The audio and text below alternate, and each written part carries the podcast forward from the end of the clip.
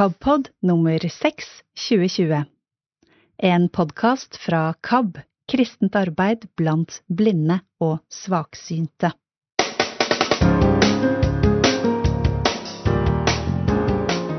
KAB-panelet i dag snakker om hvordan det er å være synshemmet når kirkene åpner igjen, og du har behov for assistanse, men énmetersregelen fortsatt gjelder. De kommer også inn på utfordringer med salmesang, og gir deg til slutt gode sommerboktips.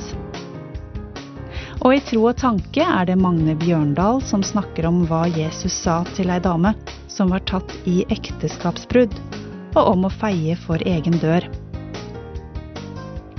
Hva når terapeuten snakker via en skjerm? Vi har intervju med Ranveig Bredesen og hennes psykolog. Arvid Pettersen er en folkekjær sanger og musiker.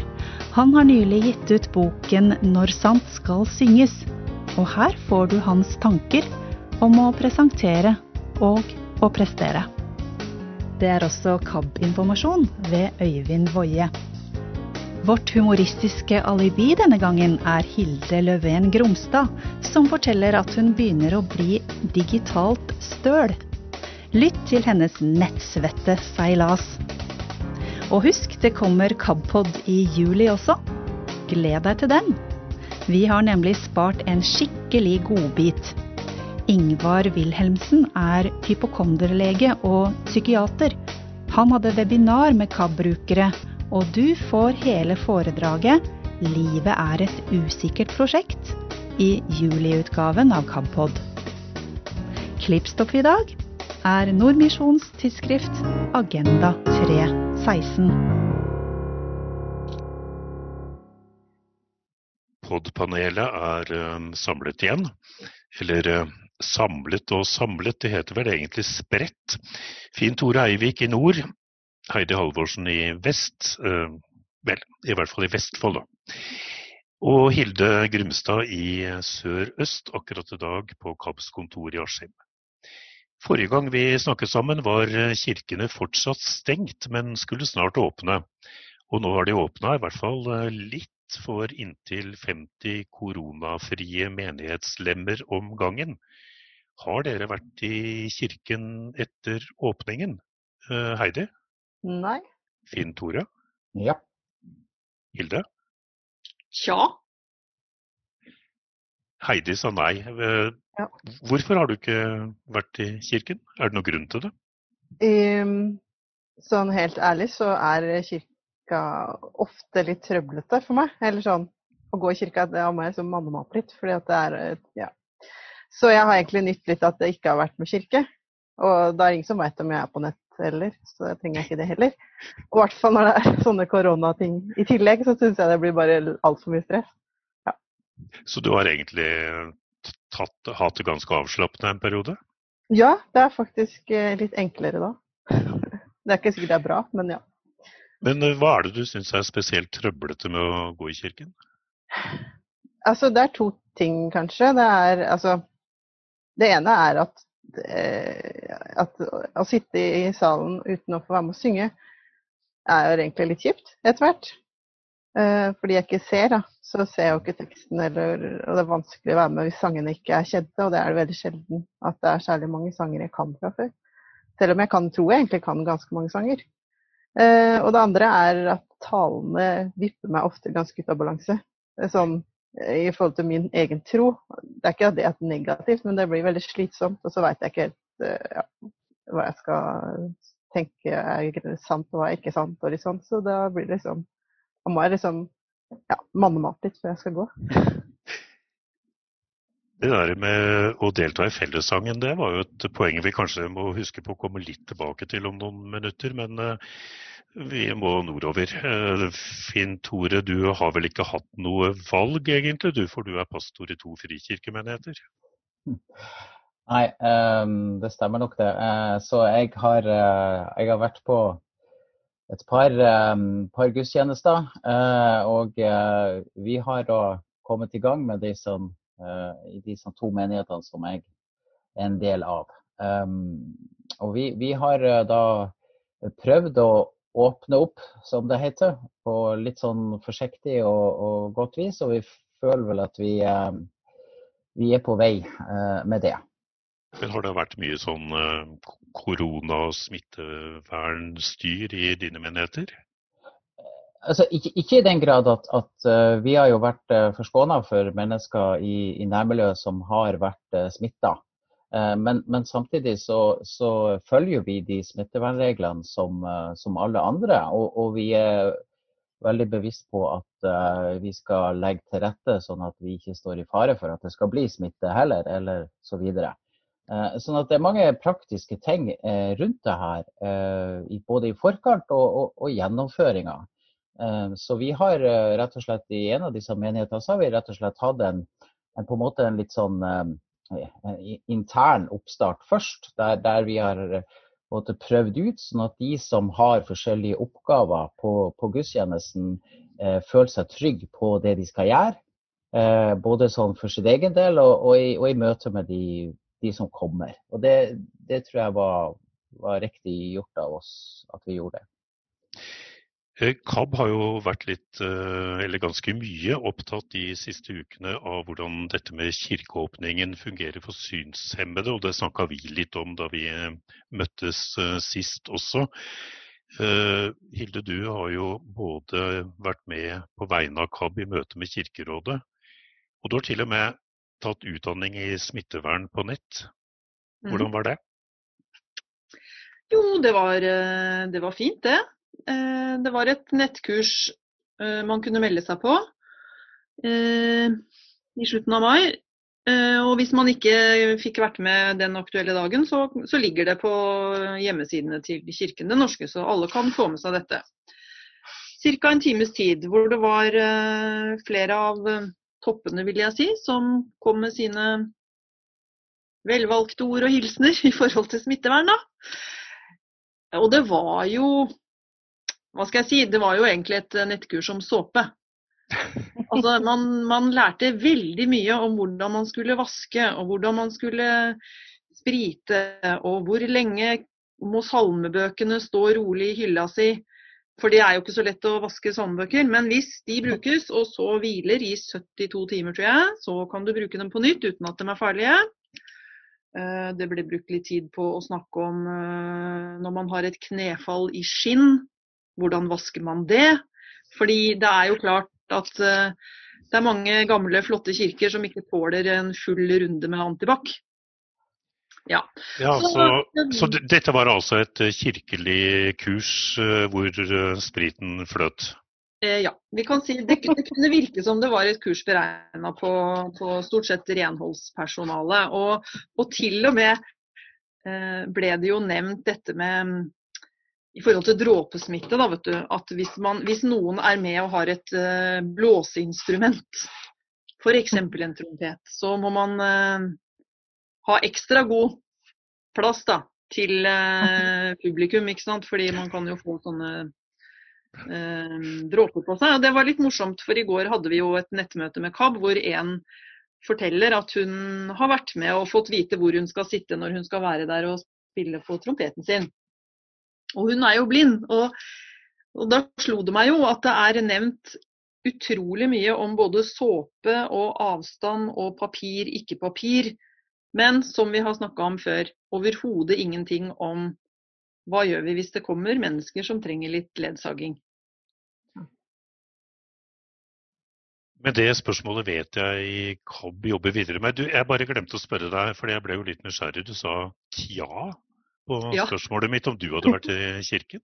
Ja, du skjønner det. At jeg har, eh, jeg, har, jeg fikk lov å være med som uh, forsanger, da, kan du si. Det, de spilte inn noen gudstjenester som skulle vises på nett. Så det var jo ikke ekte gudstjeneste. Det var, det var jo for så vidt før det ble lokka opp, ikke sant. Så da klarte vi å holde to meters avstand og vel så det. Og så har jeg vært i kirken på et vis via senga mi. Jeg har eh, ligget i senga på søndagsmorgen og drukket kaffe og sett på gudstjeneste. Og syns det var fint. Veldig smittefritt. Uh, Finn Tore, for deg som synshemma pastor, uh, har du opplevd uh, at det har skapt noen utfordringer nå i forbindelse med kirkeåpningen? Um, nei, ikke som jeg klarer å, å, å komme på akkurat her og nå. så har det ikke, ikke det. Um, jeg føler kanskje på en måte at um, situasjonen både for min del og den um, kommunik kommunikasjonen og den som har vært i, uh, som du henviste til, dette med det KAB jobber med, har vel kanskje heller gjort at uh, vi har fått muligheten til å samtale rundt, det i menighetene og, og, og, tenkt litt på det, selv om at ikke vi jeg er så mye bedre på dette enn andre. Men vi har i hvert fall fått fått snakka litt rundt akkurat dette her med mennesker som kommer og som trenger ekstra oppfølging og ekstra hjelp. Ja, da er vel uh, dere kanskje av de få menighetene så langt som har tatt opp den problemstillingen uh, spesielt. Uh, så får vi se hva det kommer ut av det, Hilde, i forhold til den kontakten dere fra KAB sin side har hatt med Kirkerådet. Tror du at det kommer noen råd om dette med hvordan man håndterer uh, folk som dukker opp med assistansebehov? Ja, vi opplevde at vi hadde jo både et møte med KA og, og med noen fra Kirkerådet. Mm, KA er Kirkens arbeidsgiverorganisasjon, ikke sant? Ja. Mm. Uh, og de var absolutt lydhøre og måtte vel på en måte kanskje innrømme litt at det var jo Dette hadde ikke blitt tematisert, da. Eh, men var nok også Jeg tror det er viktig at vi kan komme med litt sånn konkrete råd. Eh, og som vi har snakka om noen ganger, så er det jo For oss er dette en gyllen mulighet til å få til litt tilrettelegging som kommer til å vare etter korona. Ikke, vi tenker jo ikke at det som vi har lyst til å påvirke med å gi litt råd om nå, det slutter ikke når, vi, når, alt åpner for fullt igjen. Eh, behovene for ledsaging vil jo være akkurat de samme. Så, men vi opplever det som at de er positive og ja, vil høre. Heidi ga oss et uh, lite stikkord om noe som vel heller egentlig ikke da er bare en sånn koronasituasjon. Du sa noe om dette med fellessang. Ja. Jeg Der vi går nå, så er det veldig mange Det er veldig variasjon i sangene ut fra salmeboka de bruker, da. Eh, jeg tror de kanskje Det er aldri nesten den samme sangen om igjen. Det er jo litt utfordrende hvis jeg ikke kan lese teksten. Så sånn sett for meg Jeg synger jo og spiller egentlig eh, en del sjøl òg, så jeg er jo vant til og jeg liker veldig godt å synge. Så det er ganske uvant å sitte i en forsamling uten å åpne munnen, kanskje i et helt møte. da. Hvis det er liturgi, så kan jeg synge med på det. Eh, og hvis det er en veldig kjent sang, men det er jo egentlig slett ikke alltid det er det. Jeg har ikke, jeg har ikke sagt fra heller, da. Så det er jo litt min egen feil, kanskje. Men jeg, jeg har ikke noen god løsning på det. Derfor syns jeg det er vanskelig å si noe om det. For jeg veit ikke hvordan det kan løses i praksis. Nei, men skal vi, se, skal vi, se, om du kan få løsningen nå? Er det noen av dere to, to andre som uh, har noen tips til hvordan dette kan løses? Ja, jeg kan um, Vi hadde et uh, møte med en stab, jeg kan jo si det, det var i Vestby, uh, hvor dette ble et tema. Og da var de, i hvert fall hvis det er, hvis det er um, gudstjenester i kirken den norske, da, så blir jo dette ofte planlagt i god tid. Det er ikke sånn som det var før, at uh, organisten bestemte seg sånn på søndagsmorgen hva skal vi synge i dag. Uh, så der var de veldig innstilt på at vi kan legge ut salmene som skal synges på nettsiden vår onsdag før kommende søndag. Uh, og da kan man jo ha muligheten til å finne det litt ut sjøl. Og nå kan man jo ha salmeboka på sånn app. Så du kan jo høre alt. Uh, også, og hvis du har salmeboka i punkt, så kan du ta det med deg. Men i hvert fall så var de veldig opptatt av at dette kan vi faktisk dele. Og jeg tenker at det er kanskje en av de bedre måtene å gjøre det på. For jeg har skjønt på flere som leser punkt at det kan være utfordrende å lese fort nok hvis det Ja. er en salme du ikke har hørt før. Veldig. Men hvis du, hvis du har muligheten til å høre litt på forhånd, så hjelper det. Mm. Og da har man jo også muligheten til, hvis man har en punktprinter hjemme, til å printe ut altså de som faktisk leser punkt så fort, da, til å printe ut Mm. eh, de salmene som er aktuelle akkurat den søndagen, eller kanskje printe ut i storskrift hvis det hjelper. Men fins ikke også salmeboka i Norsk kirke i punkt? Ferdig? Jo, det gjør den, men eh, det er jo noen meter å ta med seg, da. Eller, eh, jo, jo. Eller kan, det kan, selv om den står i kirken, så kan det bli ganske mange bind, liksom, å Ja. ta med i benken. Men det- no, ha, har vi kjennskap til det, Hilde? Fins det noen menigheter som har den salmeboka stående i sin helhet? Det er det sikkert. Jeg tror kanskje at det handler om at man selv som, som blind må komme med et ønske om at jeg trenger den. mm.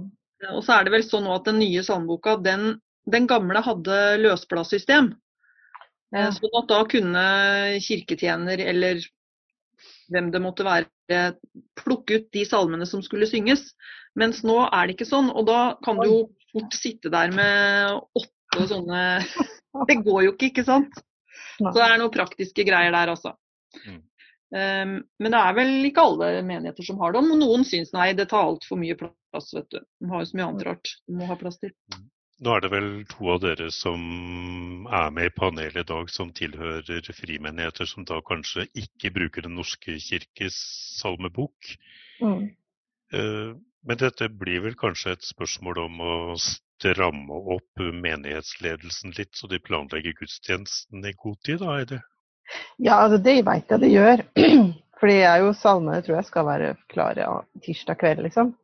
Så det blir vel eh, ja, altså Hvis jeg skulle liksom komme med sånn Heidi ønsker seg noe uten at det er, det er jo litt kravstort, jeg kan ikke ønske meg det. Men eh, så hadde jo det hadde jo også hjulpet liksom hvis, hvis de som satte opp sanger, da hadde tenkt i hvert fall jo, kanskje vi skal ta to stykker som er kjente, da. som vi har sunget før noen ganger. Eh, det hadde også vært en fordel, for da har man jo sjanse til å lære seg sanger òg. Eh, I forhold til å Kanskje noen flere ville vært eh, glad for det, at det av og til kom en salme de hadde vært med å synge før? Ja, for jeg, jeg har jo ja, for Selv om jeg har lest salmene på forhånd av og til, det er fint, for da får du med deg i hvert fall innholdet, sånn at du kan liksom eh, ja, vite hva man synger om. For det er ikke alltid så lett å høre det, selv om det er forsangere. Eh, så, så er det veldig Jeg blir veldig, veldig glad hver gang det kommer en sang jeg kan. ja, eh, Fint, Tore. Ja, jeg tror absolutt at det er, det er flere eh, som eh, godt kunne tenke seg til å, å, å høre eh, sangene, sånn at de blir litt kjent med dem. For Dette, dette med sangutvalg og, og, og det forholdet rundt der, det er et, et ganske si, vanlig utfordring i, i mange menigheter. og det er eh, I tillegg til at vi her snakka også om det at når du ikke da kan lese teksten, så, så blir det jo en ekstra utfordring på det. Så, så jeg vil jo eh, Jeg forstår jo at du kanskje ikke føler frimodighet for det alltid, men, men det å, å, å, kunne gi signaler om at, eh, at, du gjerne vil ha den informasjonen om disse salmene på forhånd, sånn at du har muligheten Mm. til å, å sjekke det opp. Eh, Mm. og, og kunne få lese teksten, eller kanskje også få hørt salmen Mm. som sådan. For jeg tenker at vi, vi, vi er som, som ledere og, og, og sånn, vi, vi bør eh, strekke oss etter til at en ting er at det skal være en variasjon i salmene, men også det at vi skal på en måte ha den kommunikasjonen med forsamlingen. altså Da tenker jeg eh, imellom gudstjenestene, sånn at vi kan få tilbake innspill på eh, hvilke salmer ønsker man, eller hva er det naturlig, hva kjenner man og ikke. For det er ganske eh, frustrerende for, for en menighet å sitte og kanskje i det verste fall ha en hel gudstjeneste med salmer som er helt ukjent. Mm. Så er vi jo nødt til å lære noen nye. altså Alle salmer er jo nye en eller annen gang. Mm. Eh, men, men at man prøver å, å ta det sånn skritt for skritt. Ellers så vet ikke jeg om det er noe, noe god løsning, men, men altså nå ligger jo Det er vel den gamle salmeboka, norsk salmebok, som ligger ute på nett. Altså salmeboka minutt for minutt, som det heter. Eh, og Der går det jo an å søke seg fram altså til en viss grad, og så, og så få høre eh, en del av de salmene da, som, som der er. Mm. Så er det en del menigheter som eh, kanskje kunne hatt muligheter til å ha noen sånne ja, Vi kaller det rett og slett sangkvelder. Altså der, der, der vi synger en del av de sånne her eh, salmene og sangene som for så vidt er godt kjent, men der vi også tar opp en del nye. Sånn at når vi da kommer på gudstjenesten, så er det, så er det kjent. Mm. Eh, kanskje kan det være en, en, mulighet sånn av og til. Ja. Mm. Men Heidi, Ja. jeg hørte du nevnte jo et eh, veldig bra ord her, og det var forsangere. ja. Du må jo være med å være forsanger.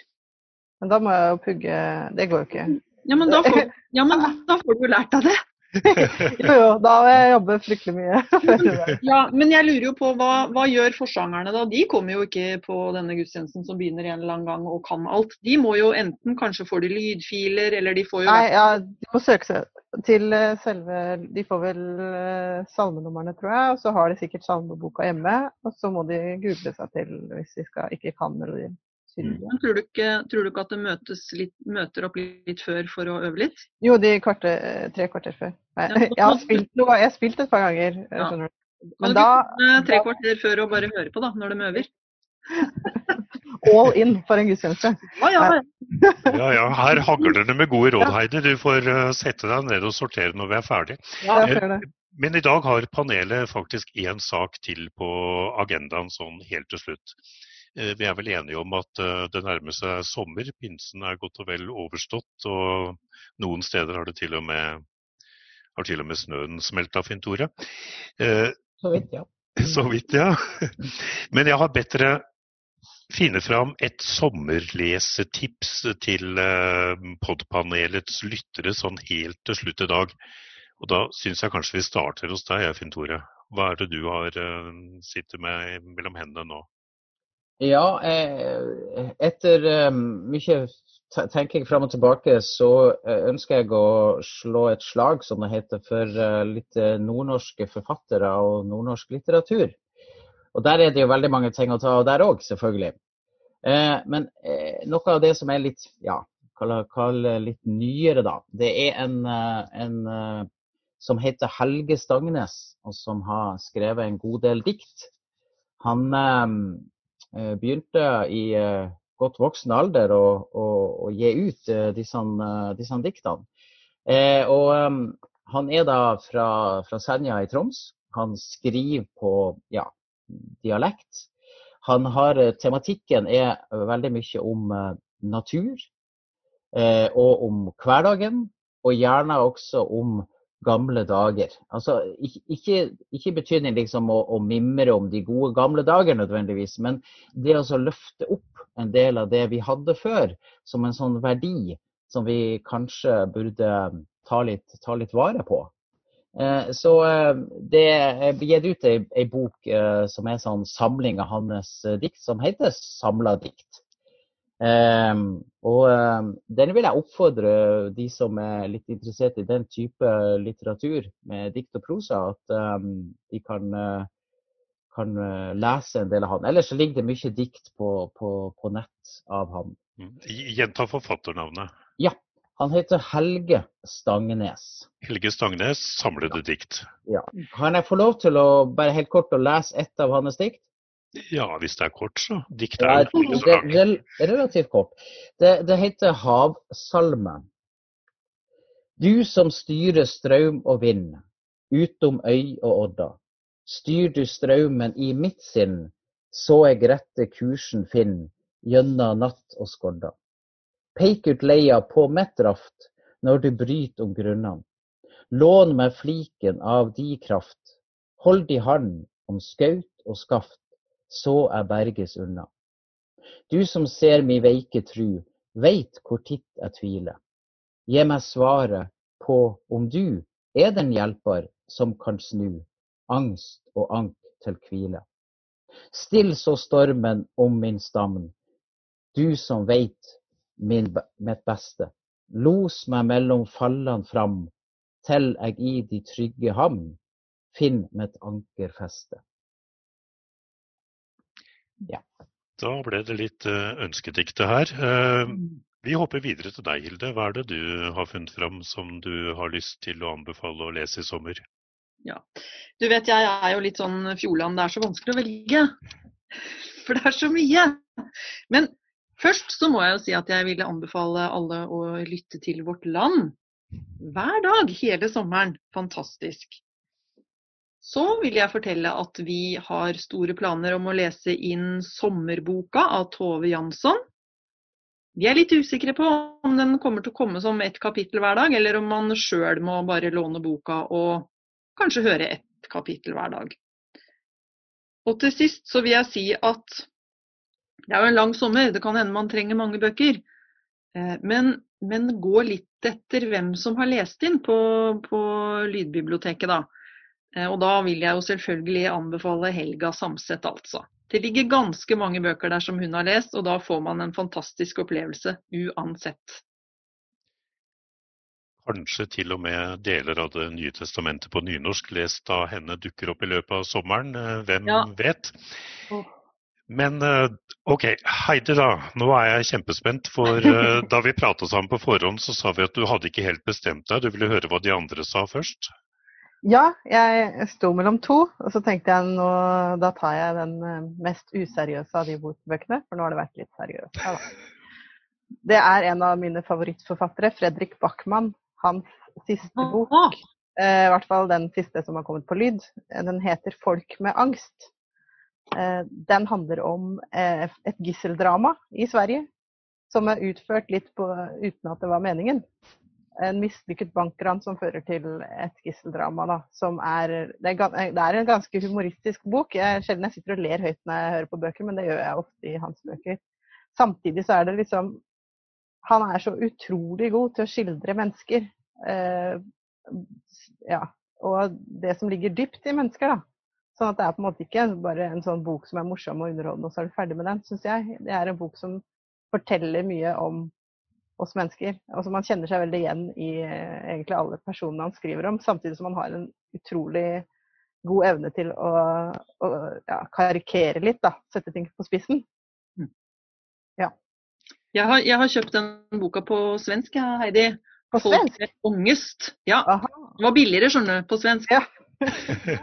og, og tyngre å lese, kanskje. Ja, og da, ok. Ja. Jeg tror tiden er inne til at vi må si takk for i dag. Men hvis noen da vil klage på spennvidden i uh, lesetipsene fra podpanelet, så får det skje skriftlig. Men i hvert fall, vi uh, pakker vel egentlig sammen for uh, sommeren nå. Og så ser vi om vi ikke møtes igjen f.eks. en gang i august. Ha det bra så lenge. Ha det. Ha det godt. Ha det.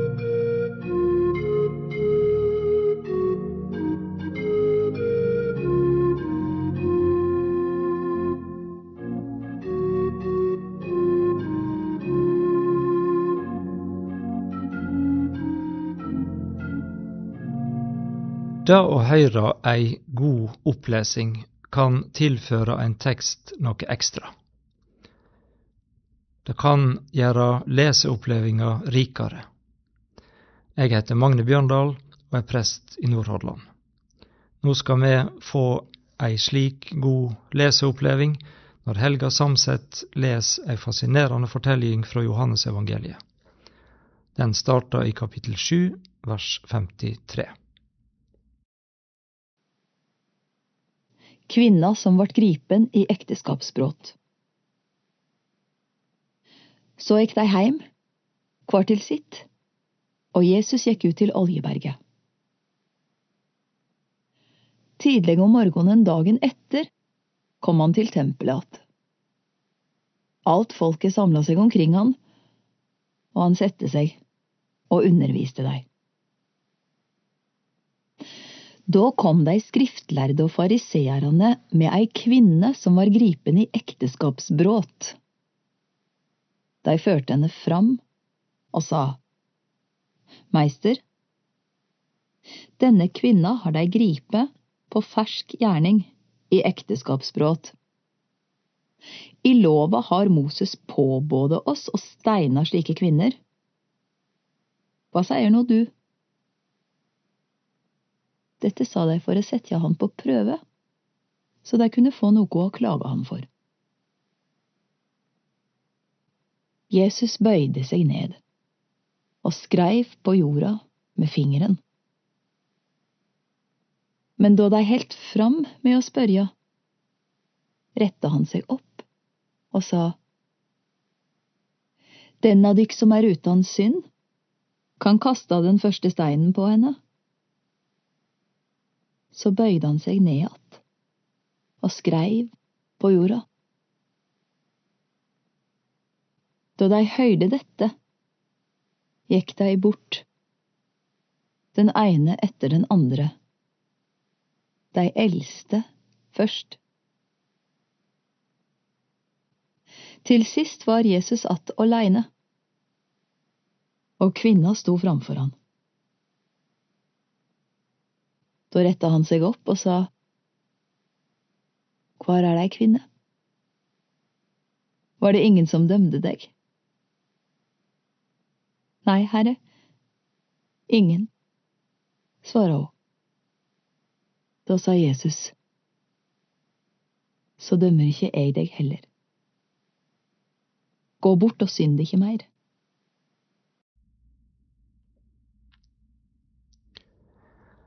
Ei flott leseoppleving og ei spennende fortelling, ikke sant?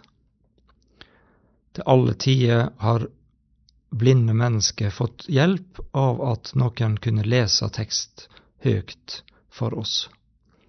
Etter andre verdenskrig har først spolebånd og kassetter, senere digitale lagringsmedier og talesyntese ført med seg ei enorm utviding av tilgangen til bøker, aviser, tidsskrift, rapporter og sakspapir, skrevne tekster av alle slag. Og det er svært gledelig. Men en går samtidig glipp av noe når en bare hører en tekst, og ikke leser den sjøl. Det er noe med å få med seg bokstav, bokstavering og tegnsetting, enkelt kunne bla seg bakover eller framover, kanskje til og med stopp, kanskje til og med hoppe over noe, og òg da å sjøl kunne lese teksten høyt for andre. Den auka tilgangen til digital tekst er flott, men det er urovekkjande når den fører til at personer som burde ha fått grundig og kvalifisert opplæring i punktskrift, i praksis ender opp som analfabeter? Så spør du kanskje hva i all verden disse funderingene har å gjøre i et innslag med tanker om kristen tru? Og det har ei forklaring. Hvis du slår opp fortellinga om kvinner som var grepen i ekteskapsbrudd i en bibel, om det nå er i visuell skrift eller i punktskrift på papir eller på nettet, så vil, du, vil det ofte stå ei forklaring om at den mangler i de eldste håndskriftene. Det er ikke sikkert at den forklaringa er så veldig viktig, men den kan være det. Og den går du altså glipp av hvis du bare hører fortellinga opplest. Det var ikke før på 400-tallet det ble fast praksis å plassere denne teksten der den nå står i Bibelen. Betyr det at den ikke er til å lite på? At den så å si er fake news? Nei, det finnes både håndskrifter som har den i Lukasevangeliet og andre plasser i Johannesevangeliet enn der den står nå. Og i et brev fra 200-tallet blir biskopene oppfordra til ikke å være så strenge med folk. De må huske på at Jesus ikke fordømte ei kvinne som var tatt i ekteskapsbrudd. Det må være denne fortellinga det er sikta til i det brevet. Det er med andre ord like god grunn til å lite på at dette har hendt, som på det andre som er fortalt om Jesus i Det nye testamentet. Hvorfor har så akkurat denne fortellinga ført et så omflakkende liv? Det kan vi vel ikke vite sikkert, men det er ikke urimelig å tenke at det har noe å gjøre med måten Jesus møtte denne kvinna på. Greit nok at han viste forståing, og at han forhindra at hun ble steina. Men går han ikke vel langt? Burde han ikke i det minste ha retta en advarende pekefinger og sagt noe sånt som at ja, ja, det får gå for denne gangen, men nåde deg hvis det skjer en gang til? I andre sammenhenger legger han da sannelig ikke fingrene imellom, verken når det gjelder ekteskapet eller andre moralske spørsmål. Moralske pekefingre kan vi saktens ha bruk for, og det er så visst ikke alt som vi sier og gjør som bør få godkjenningsstempel. Men vi har enda mer bruk for å kunne rette ryggen, kunne stå ansikt til ansikt med en som ikke holder oss nede i skam, men som reiser oss opp og setter oss fri. Han som levde feilfritt, og sånn sett kunne ha kasta den første steinen, han gjorde det ikke. Likevel feide han ikke under teppet, eller leta skura. På krossen tok han på seg den straffa som vi hadde fortjent. Den fortellinga vi har for oss i dag, er spesiell på flere måter. For eksempel er det den eneste gangen vi veit om at Jesus skreiv noe. Mange har lurt på hva han skreiv, og jeg veit jo ikke svaret. Et av forslaga som har vært sett fram, er at han ville få de skriftlærde til å tenke på et vers hos profeten Jeremia, der det står Herre, du Israels von, alle som forlet deg, skal bli til skamme. De i landet som vender seg fra deg, skal skrivast opp, for de har forlate Herren, kjelda med levende vatn. Det som for egen del først og fremst sitt att etter møtet med fortellinga om hun som vart grepen i ekteskapsbrudd, det er ei utfordring til å være litt mer audmjuk, feia for eiga dør, før jeg mener så veldig mye om hva andre kunne og skulle og burde ha gjort. Jeg kan trenge å øve meg i å bry meg mer om, og litt mindre med. For heldigvis er ikke dommen opp til meg. Som det står tidligere i Johannesevangeliet, Gud sendte ikke Sønnen sin til verden for at han skulle dømme verden, men for at verden skulle bli frelst ved han. Liv Nordhaug var engasjert på mange plan i norsk kirke- og samfunnsliv på 1900-tallet. Det meste av den innsatsen hun la ned, er det ikke så mange som husker lenger men noen av salmene hun skrev, ble stående, og kommer nok til å bli sunget ennå i lang tid. En av dem, Har vi sten i våre hender, er knytt nettopp til den bibelfortellingene til, til den bibelfortellinga som disse trustankene har handla om. Og nå hører vi den.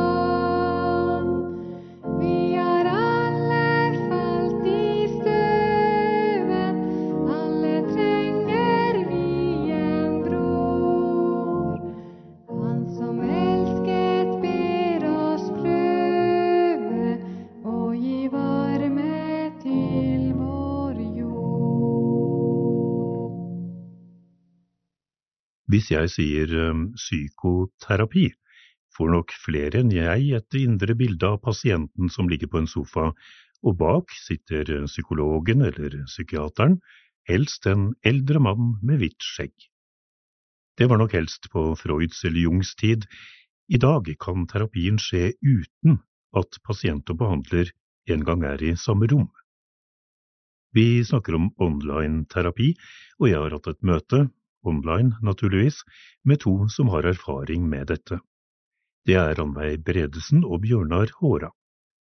Ranveig sitter i Oslo, Bjørnar i Hamburg.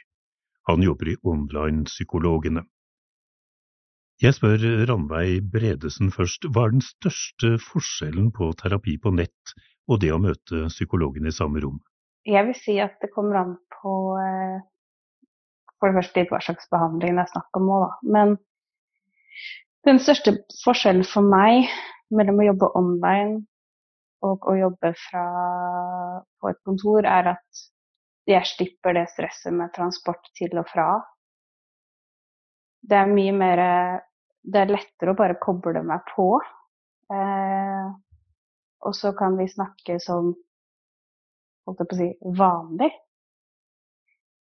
Eh, her om dagen så var jeg faktisk syk, så det var veldig greit. Jeg ikke måtte ringe pasientreiser og avbestille og gjøre hele pakka, men bare koble meg på likevel. Eh, det andre som, men det som er en annen forskjell, er at terapeuten er ikke fysisk til stede med meg. Og det kan iblant være litt utfordrende, for det er ikke enkelt å hm, Nå må jeg bare tenke litt hvordan jeg skal si det her. Det er ikke enkelt å eh, sense nærværet til den personen du prater med, når du bare har en stemme. Jeg er sjøl helt blind. Men flere og flere ganger etter hvert som vi har blitt bedre kjent, jeg og Bjørnar, så har den distansen forsvunnet. Så helt plutselig så kan han omtrent nesten merke han fysisk. Så det er spennende. Bjørnar eh, uh, Ranveig sa noe om at denne formen for terapi kanskje ikke egner seg for alt. Altså, hvilke, mm. hvilke, psykiske plager er det det egner seg for, da, for å spørre på den måten? Mm. Så eh, forskningen så langt som er gjort på, på online-terapi med bruk av video, viser at den har lik effekt som tradisjonell terapi eh, fjes til fjes, eller i samme, samme rom. Eh, mesteparten av den forskningen er gjort på milde til moderate tilstander. Eh, men da er det ganske varierte tilstander, både når det gjelder depresjon og diverse former for, for angst og, og traume. Eh, så på de mer alvorlige tilfellene så kjenner jeg ikke til forskningen, men jeg vil tro av ulike gode grunner at det ikke har vært så mye fokus på det. Så at vi online-psykologene vi tenker nok at eh, de mest alvorlige tilfellene som, som trenger et helhetlig lokalt tilbud, ofte når, når det er kanskje ulike former for avhengighet i bildet, selvskading og særlig med tanken eh, på aktiv suicidalitet, når en har konkrete planer om å ta sitt eget liv, så anbefaler vi å oppsøke eh, lokal legevakt, sin fastlege, folk som kan, som kan hjelpe en lokalt. Da. Men eh, for de fleste si, vanlige plager som eh, rammer eh, kanskje de aller fleste av oss en eller annen gang i løpet av livet, så mm. skal dette være like bra, altså? Mm, rett og slett. Men Ranveig sa noe om at hun av og til kan savne det der fysiske nærværet i rommet, og på en måte kunne mm. sense kanskje dine reaksjoner og sånn. Mm. Savner ikke du som terapeut av og til å se litt mer enn bare ansiktet til Ranveig? Mm. Altså kroppsspråket? Mm. Eh, det var nok en, en, en, bekymring eller kanskje en fordom jeg hadde i forkant når jeg begynte med online terapi. Men jeg merker at eh, når jeg eh, og den jeg jobber med, når vi er i en viktig, meningsfull prosess og, og klienten er i kontakt med sine følelser, så, så tror jeg begge egentlig glemmer om vi ikke sitter i samme rom. jeg vil, vil tro i de tilfellene, og, og Ranveig må gjerne korrigere meg hvis hun ikke kjenner seg igjen, kanskje handler om de gangene når det er veldig mye angst, og, og når en har ens på en måte hovedreguleringsstrategi med å orientere seg hvor har jeg folkene rundt meg, både for å få en trygghet, men òg å liksom kjenne den kroppslige kontakten til de en har trygghet på. Eh, da skjønner jeg veldig godt at, at det blir, blir, et savn. Eh, mens eh, ja, når en har muligheten til å visuelt orientere seg, så, så kan en bli betrygga på, på, andre måter. Som, ja. Mm. ja, det tror jeg er riktig. Mm. Ja, kan, kan, du ikke bare utdype det psykologen din sier litt der, Ranveig? Jeg tror at hadde jeg kunnet se Altså, eh, hadde jeg kunnet se eh, ansiktet hans, så hadde jeg også kunnet tune meg enda mer inn på han. Men eh, vi bruker jo mye å beskrive reaksjoner. Eh, han beskriver hva han ser jeg gjør, og han beskriver hva han gjør. Det, når vi får til det bra, så vet jeg eh, Så blir jeg også tryggere. Eh, og det er egentlig noe jeg har tatt med meg videre i andre samtaler med helt andre personer også. Og spurt bedt f.eks. assistentene synstolke reaksjonene til folk. Eh, bedt kanskje andre venner gi tilbakemelding hvis jeg skjønner at det er noe de gjør, eller et eller annet sånt noe. Det som også faktisk hjalp meg når jeg trengte en mer fysisk følelse av, av, av at Bjørnar satt sammen med meg i rommet her, det var at jeg faktisk bytta fra mikrofon til høyttaler. Eh, headset til høyttaler. Eh, da fikk jeg på en måte et fastere punkt i rommet. Men alt dette her er jo prøving og feiring. Det er kjempespennende. Kan det noen ganger være lettere å snakke om vanskelige ting når det er litt sånn fysisk eh, avstand, Ranveig? Absolutt. Uh, og det som Det jeg også opplever som er uh, Iblant er den fysiske avstanden veldig trygg for meg å ha, mm. faktisk. Uh, det som også er veldig fint, er at ved å jobbe online, så kommer vi egentlig veldig rett inn i hverdagen min. Mm. Altså det blir småting som kanskje kan spille inn, både på godt og vondt. Eh, på eh, kvaliteten av å være i samtalen. Men eh, helt plutselig f.eks. så kan ja, noe kan skje, og, og um, Ja, eksempel altså når jeg da ble syk, visste at OK, men jeg vil gjerne få snakka med Bjørnar likevel. Uh, for, jeg, for, jeg, var utrygg. Ja, never mind. Uh, men for, jeg, for jeg, da kjente jeg meg utrygg, men vi hadde time, og da kobla jeg meg på likevel. Visste at her er det ikke noe risiko for noen ting. Jeg kan snakke med han her, jeg er her, og det er greit. Men, men sier du at det er en fordel på en måte at du sitter, eller noen ganger en fordel, da? At du sitter i din egen stue og i de omgivelsene som ja. er dine egne, altså i din hverdag? Absolutt. I alle fall når hjemme kjennes trygt, så er det veldig godt å kunne være i, egen, i mitt eget sted. Her vet jeg hvor ting er. Uh, og det er, veldig, det er, veldig, godt for meg, i hvert fall. Å kunne jobbe herfra. Da har jeg inntrykk at, at mange klienter kan kjenne seg igjen i at, at den tryggheten som det å være hjemme, det, det senker noen terskler. og jeg ja, vi får egentlig truffet hverandre kanskje før den fasaden som de fleste av oss kanskje setter opp, da, eller trenger når vi skal ut, ut i verden og, og treffe folk. Og at, eh, så det, det, er nok interessant med, med online-terapi at det, det, er en sånn paradoksal Det er en fysisk avstand, men, men det kan fort bli eh, emosjonelt nærmere eller mer intimt. Og sånn rent sånn fysisk eh, så, så, er det jo alltid en, det er jo selvfølgelig en, en avstand når man møtes òg på et kontor. Mens når man sitter ofte med, med skjermen, så når man blir engasjert, eh, og det kan skje både for klient og for meg som terapeut, så sitter en veldig tett til skjermen. Og ansiktene er faktisk mer tettere enn det en ville gjort med, med de fleste personer ellers. Eh, og kan følge med på ganske sånn mikrouttrykk og virkelig tone seg inn på hverandre. og og, og, og, med Randveig og, andre som ikke kan se, så skjer det noe tilsvarende i, ja, visu, Nei, ikke visuelt, men auditivt. Da, at, eh, altså, jeg følger jo Ranveig sine mikrouttrykk i ansiktet. Prøver å gi feedback på det og, og svare intuitivt med, med min stemme. Og, så jeg har nok vært mer bevisst på hvordan jeg bruker min stemme i møte med, med Ranveig. Som jeg igjen tar med i møte med, med andre klienter som, eh, som, som ser òg. Så så jeg lærer jo mer, mye av, av, mitt samarbeid med Randveig òg. Det hva vil det si å møtes og kunne si inn på hverandre. Nå har det jo blitt uh, offentliggjort et uh, par undersøkelser de siste årene om uh, psykisk helse blant synshemmede. Mm.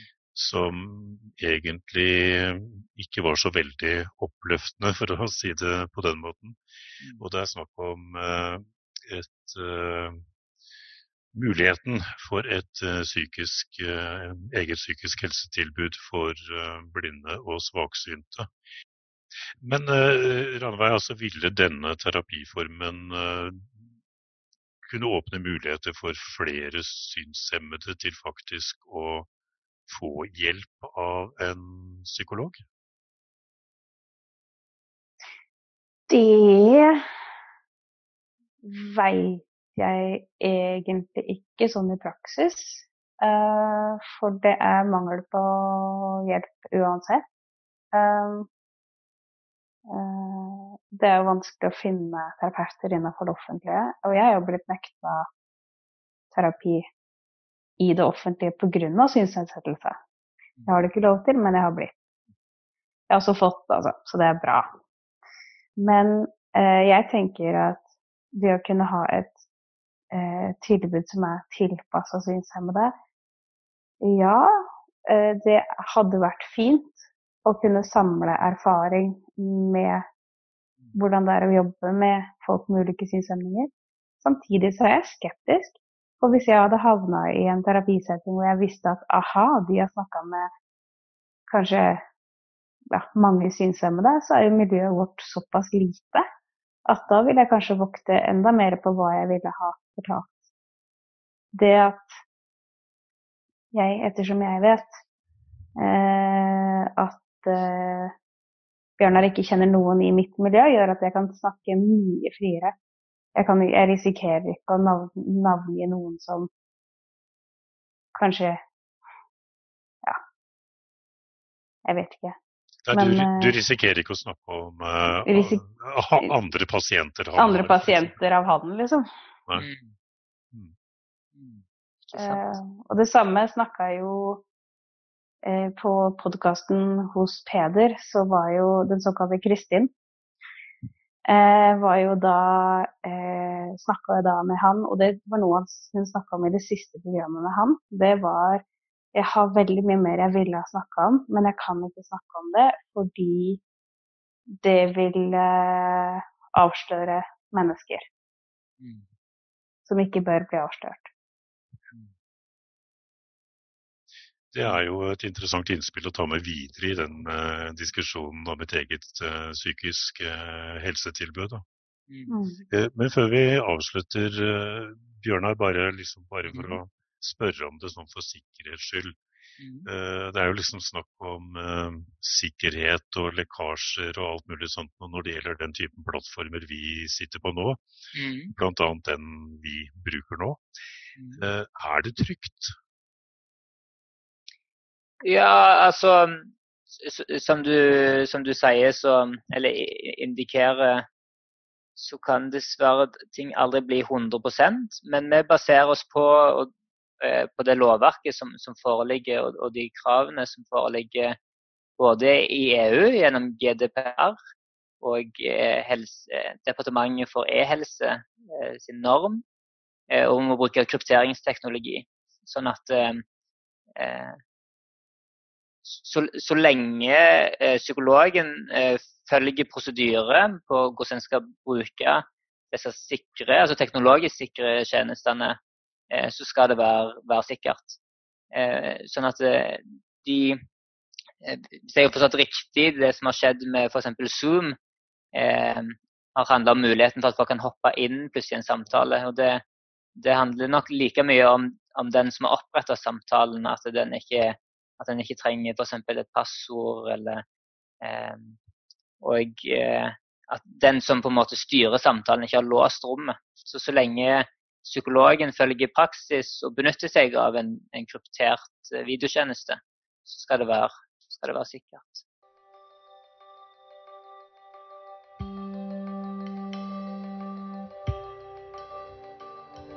When you can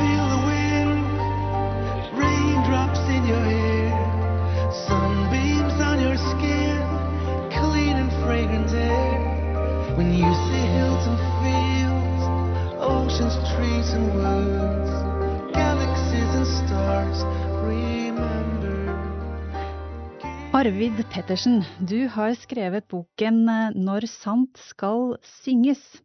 Hvilken type bok er det? Eh, undertittelen er 'Tanker om musikk og tro'. I ungdomsårene så oppdaget jeg at Bibelen har så enormt mye å lære oss om livet. Eh, og om samspillet mellom mennesker, om samspillet mellom himmel og jord. Om sammenhenger og hensikter, viktige perspektiver, grunnleggende perspektiver om det å være menneske. Så, eh, så det er eh, det ene av to elementer som førte til at boka ble til. Jeg har liksom hatt et sånt personlig bibelsk forskningsprosjekt helt siden tenårene. Det andre er at musikk, musikalitet, musikkens natur, musikalsk samspill og, og musikkens øh, vesen, mangfoldige vesen, har så mye å lære oss om livet, og om samspillet mellom mennesker osv.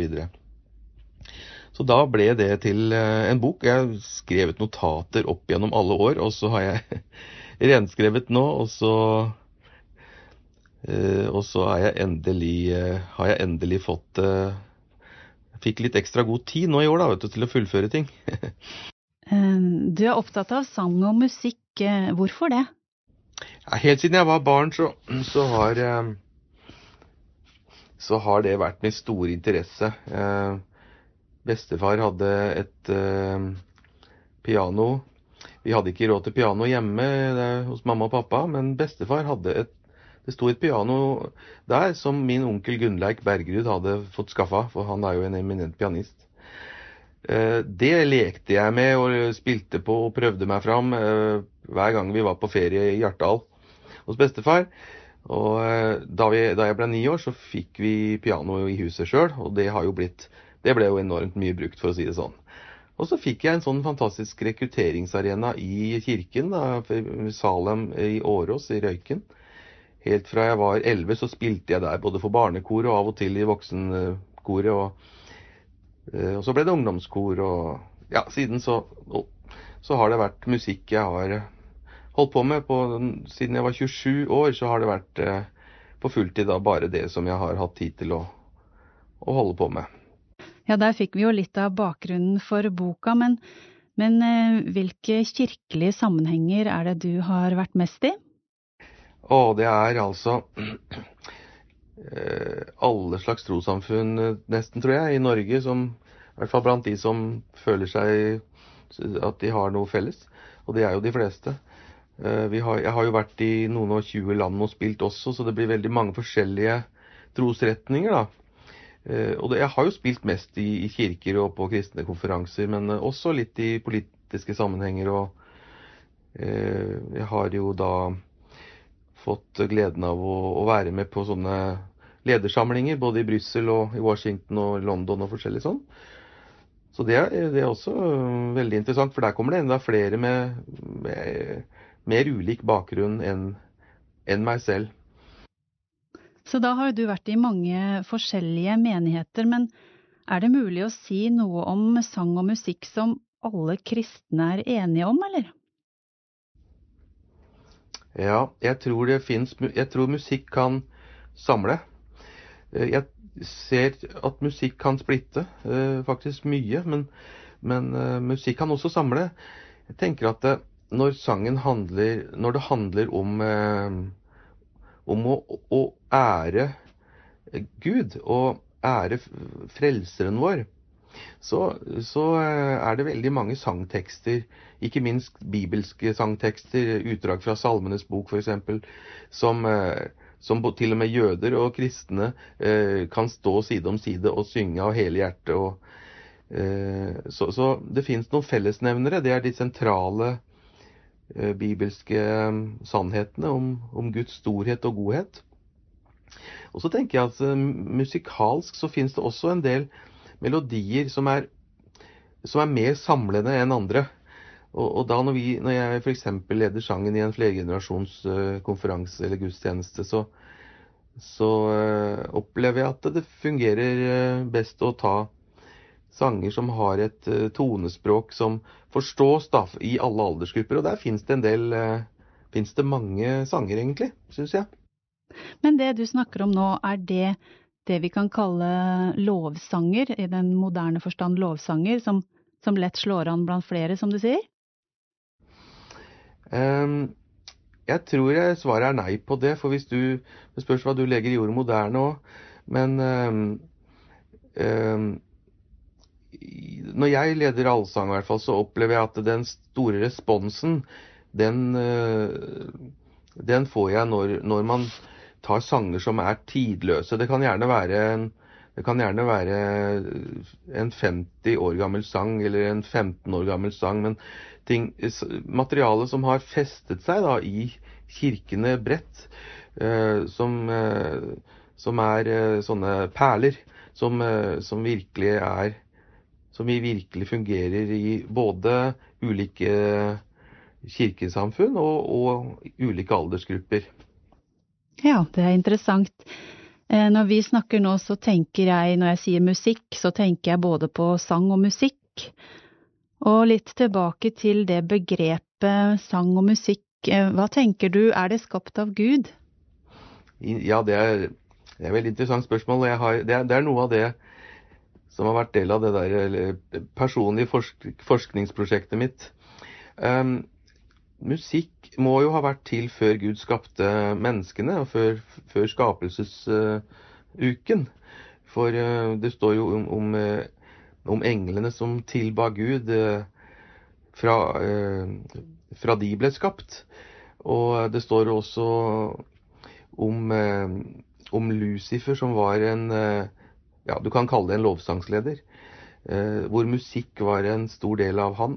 Og så har du jo hele universet, som på mange måter har en musikalitet. det er et veldig stort og interessant tema.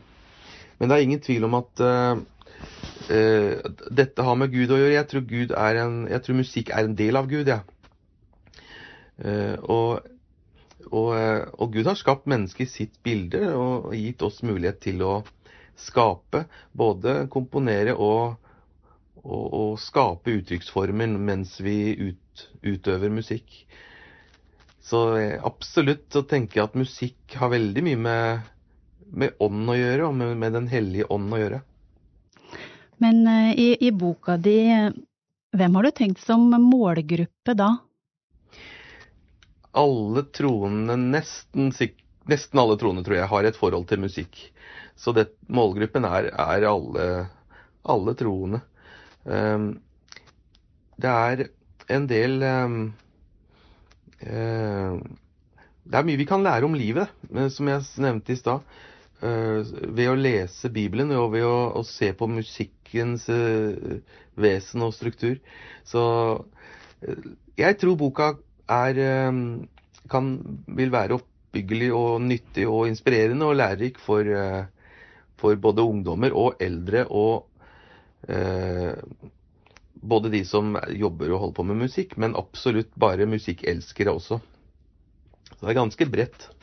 Det står en setning i boka om at den er for alle som elsker Jesus, men eh, hva med den som da er litt uh, usikker på troen sin? Mm. Jeg var usikker da jeg, da jeg, jeg, var litt usikker da jeg skrev det, men jeg valgte å ta det med likevel. For um, nå er det jo slik at det er mye vi kan være usikker på når det gjelder uh, kirke og kirketilhørighet og tro, kristne av kan si Vi er ikke alltid gode forbilder, vi kristne, på Jesus. Det er ikke alltid vi representerer Jesus, for å si det mildt. Og historisk så ser vi også ufullkommenheten da, blant de som Blant oss som uh, som eh, kaller oss troende og representerer kirke osv.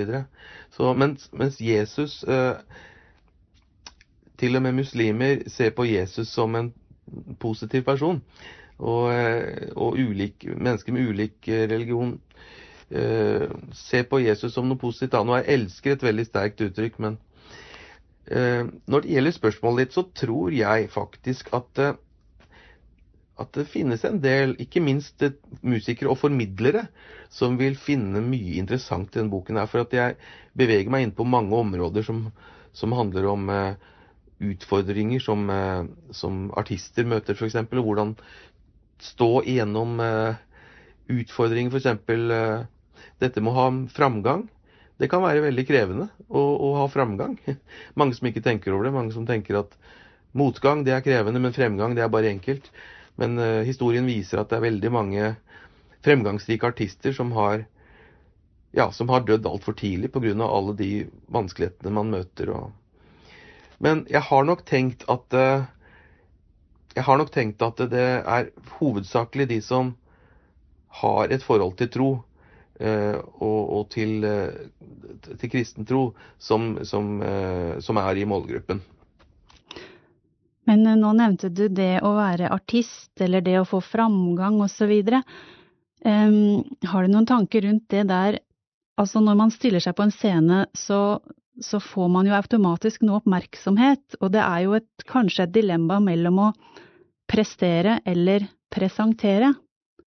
Ja, det syns jeg er veldig godt sagt. Og um, um, som uh, som eh, troende formidlere, da, eller som eh, formidler av Kirkens budskap, formidler av Guds ord og Guds kjærlighet og Guds Bibelens budskap, så må vi tenke at det, det, er veldig befriende å være mye mer bevisst, eh, fokusert på hva vi formidler, enn oss selv og hvordan vi formidler. For hvis, hvis jeg står på en scene og er mer opptatt av hvordan tar jeg meg ut nå, hvordan tenker mennesker om meg og det jeg presenterer, og glemmer hva jeg, hva jeg, hva jeg, hva jeg formidler, da. Så vil publikums oppmerksomhet også øh, vendes mot meg. Men hvis jeg klarer å vende både mitt eget og publikums blikk på det sterke innholdet, da, så er det en nøkkel. Og da tror jeg også at øh, prestasjonen følger etter og blir mye bedre. Og det her er jo noe jeg hele tida jobber med sjøl. Ja, for jeg har lyst til å komme litt inn på hva som preger deg som musiker. Det står i boka at du mista din far da du var ti år.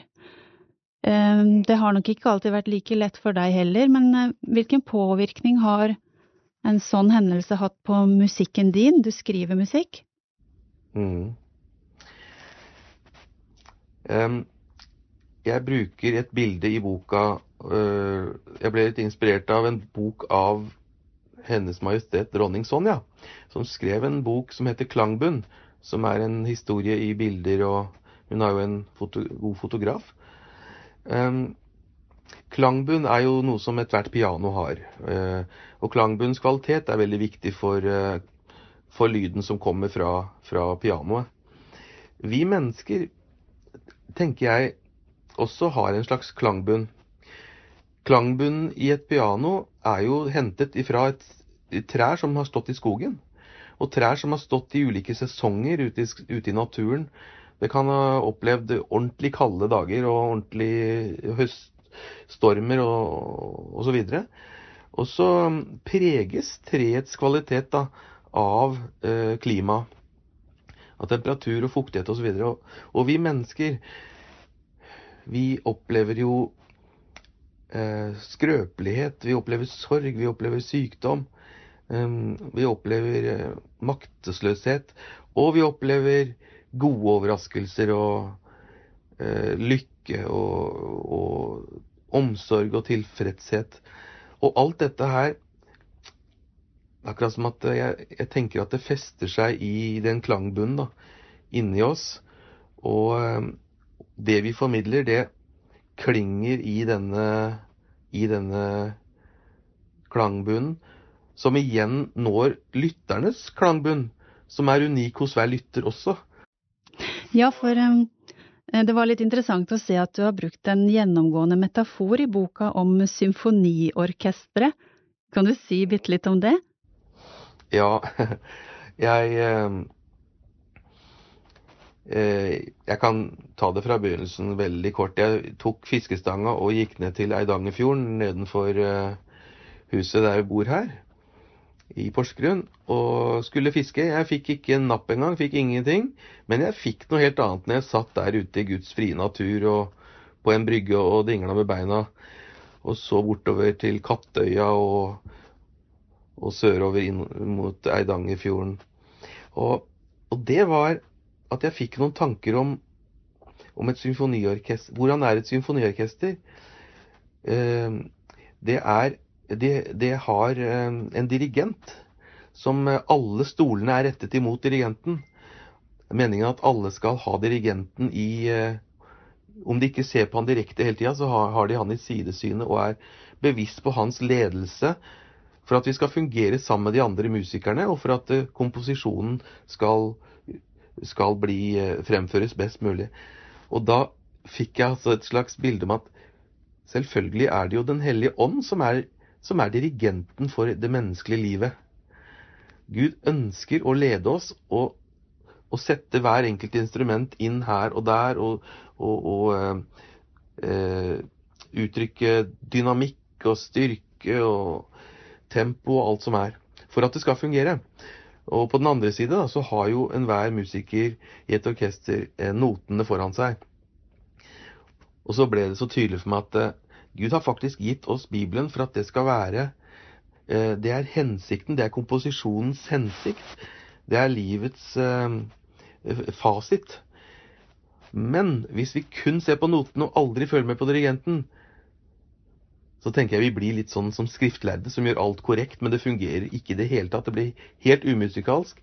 Fordi vi skal ikke bare være opptatt av Bibelen, vi skal også være opptatt av den hellige ånd og være, ja, være i bønn og, og ha det derre øret, det lyttende øret, til Den hellige ånd. Så det, og det var bare, det var bare starten. Uh, så det er mange flere metaforer, da. Uh, samspillet mellom musikere osv. Så, videre. så ja. Dette tar altfor lang tid å gå dypt innpå. Det er interessant å lese på den måten, for du får noen aha-opplevelser når, du får de der musikkuttrykkene blanda inn i litt eh, mer eksistensielle ting, da. Ja, jeg, jeg gjorde virkelig det.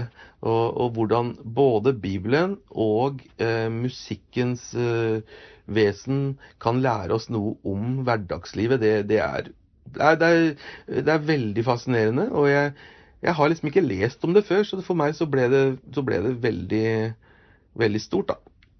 Ja, og så har jeg lyst til å gå litt videre til eh, Du spør på en måte i boka eh, hvordan kan musikken i våre kirker virke attraktivt på de personene på en måte som er utenfor? Altså, kan musikken bidra til at noen faktisk kommer til tro? Ja, og jeg tror det. Jeg mener en sang på fire minutter kan jo si mer enn en tale på 40 minutter så trenger vi både tale og sang. Men det er fascinerende og fantastisk å tenke på musikkens enorme potensial. Og, og hvordan det har blitt brukt, og brukes i stor grad uh, i mange kirker. Men så tenker jeg at uh, her har vi et stort uh, potensial fortsatt til utvikling, og til å få en større, et større mangfold, en variasjon, en større spennvidde og en større kunstnerisk utfoldelse i kirkene våre. Og jeg tror det vil eh, være byggende for, eh, for enhver kirke. Og, og, her i Norge så er vi vel ikke så flinke til å bruke musikk i hverdagslivet.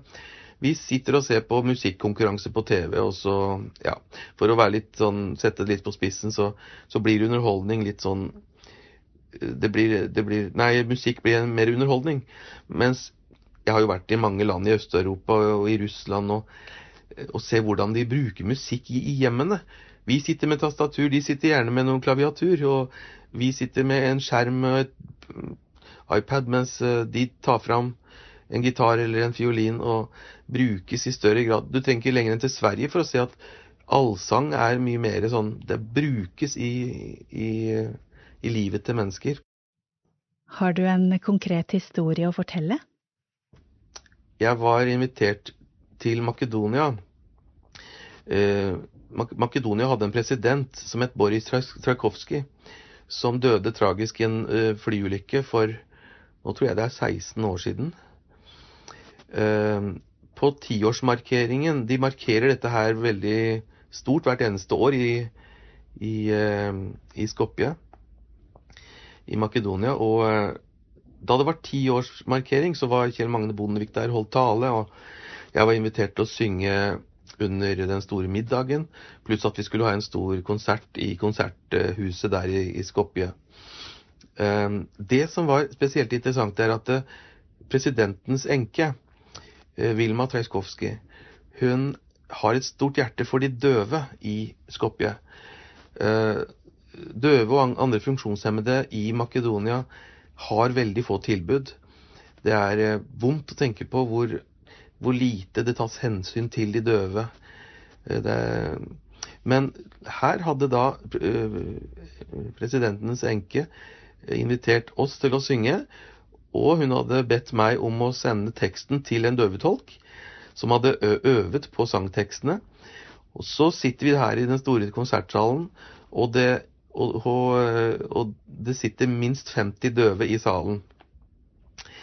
Eh, vi hadde en fantastisk konsert hvor eh, makedonsk strykekvartett eh, hadde fått sangene mine på forhånd og hadde øvd inn det. Vi hadde med norsk komp med trommer og bass osv. Og, og spilte jeg på flygelet, og kona mi var med og sang, og, og kona til bassisten var med og sang.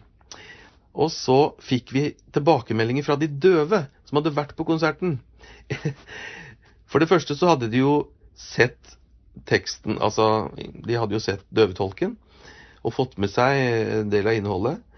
For det andre så har de jo fått synsinntrykkene. Eh, og for det tredje så kan de ha følt noe av bassen som ligger mer i, i, i bunnfrekvenser som man kjenner i kroppen sin. Men det store forundringen, jeg nevner jo bl.a. den historien i boka, det er at de, de, de, står og gråter når de forteller om sin opplevelse av konserten. Og jeg kan ikke forstå hvordan de kan ha fått en, en opplevelse når de ikke kan høre. Men da velger jeg å tenke at her, dette har med den store X-faktoren å gjøre.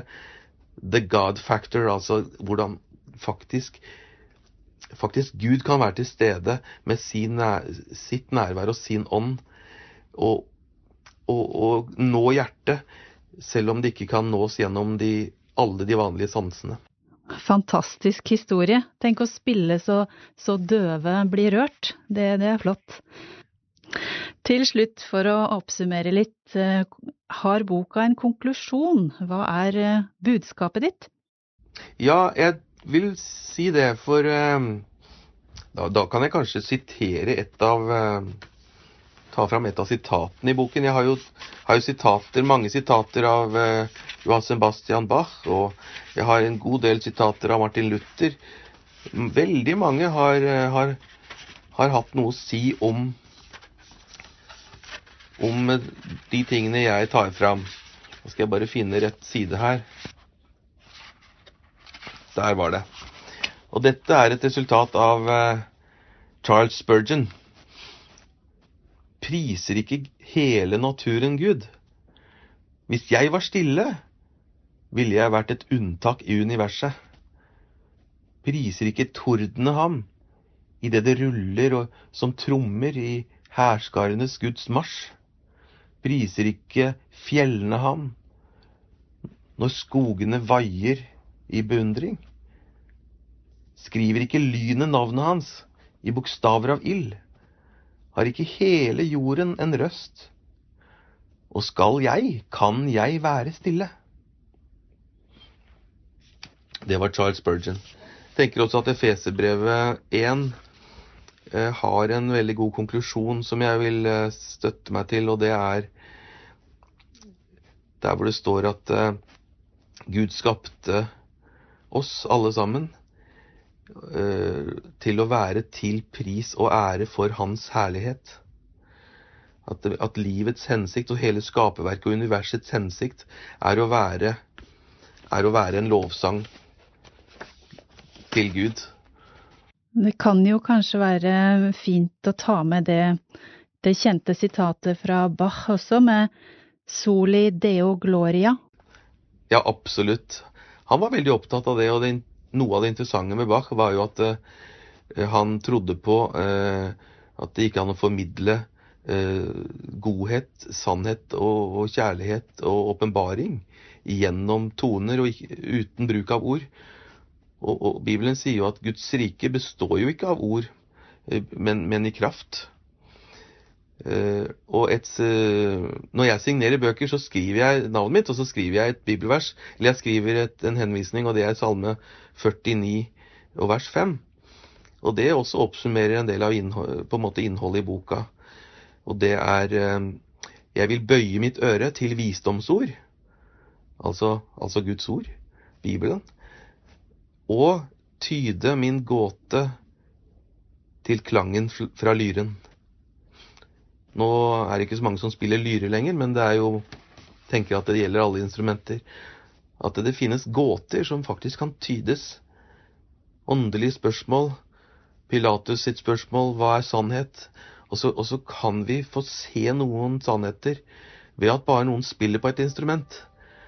Og jeg har fått mange tilbakemeldinger på det, og det har sikkert veldig mange andre musikere også. Og det er veldig fascinerende. When you can feel the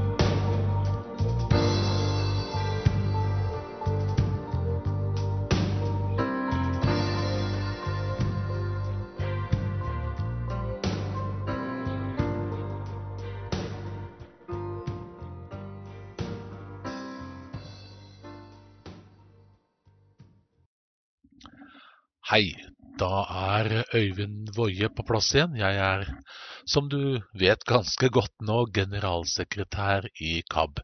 Og jeg har litt viktig informasjon å gi til deg. For det første så nærmer vi oss eh, sommeren for eh, fullt. Og det betyr at eh, de som jobber i KAB, de skal ha litt ferie. Så da blir det litt redusert drift i biblioteket, og det vil særlig gjelde juli måned. Så hvis du er glad i å lese bøker og trenger å laste opp eh, med gode lister for sommeren, så ber vi deg om å ta kontakt med KAB nå. Sende en e-post til eh, biblioteket vårt, biblioteket alfakrøll kab.no, eller eh, ringe til oss på 6981 6981 og gi beskjed om eh, hvilke bøker du ønsker deg, eller om det er bøker vi skal sette opp i ønskelista. Det er viktig at vi får beskjed om det så raskt som overhodet mulig. Så skal vi sørge for at bøkene kommer til deg via utlånssystemene våre. I løpet av ikke så altfor lang tid vil du også motta en eh, giro fra oss. Det er en eh, purring til de som ikke har betalt medlemskapet sitt. Og det å være medlem i KAB, det er en veldig bra måte å støtte KAB på. Det koster bare 125 kroner per år for en voksen, og barn under 16 år betaler 80 kroner per år. Man kan også ha familiemedlemmer, altså folk som er i familie med deg, som er medlemmer av KAB, og da koster det 80 kroner. Det som er så utrolig flott med denne medlemsordningen, det er at hvis du betaler 125 kroner i medlemsavgift, så får KAB eh, en statlig støtte som er mange, mange mange ganger høyere enn det. Så det der, der er altså en fin måte å gi en gave til KAB på, og samtidig vise at du heier på KAB som organisasjon. Noen fordeler har du som eh, medlem. Du kan kjøpe bøker til redusert pris, bl.a. Bibelen, og du kan også få reduserte priser på arrangementer. Så min oppfordring til deg er er du ikke medlem av KAB ennå, ja, så bli medlem av KAB nå.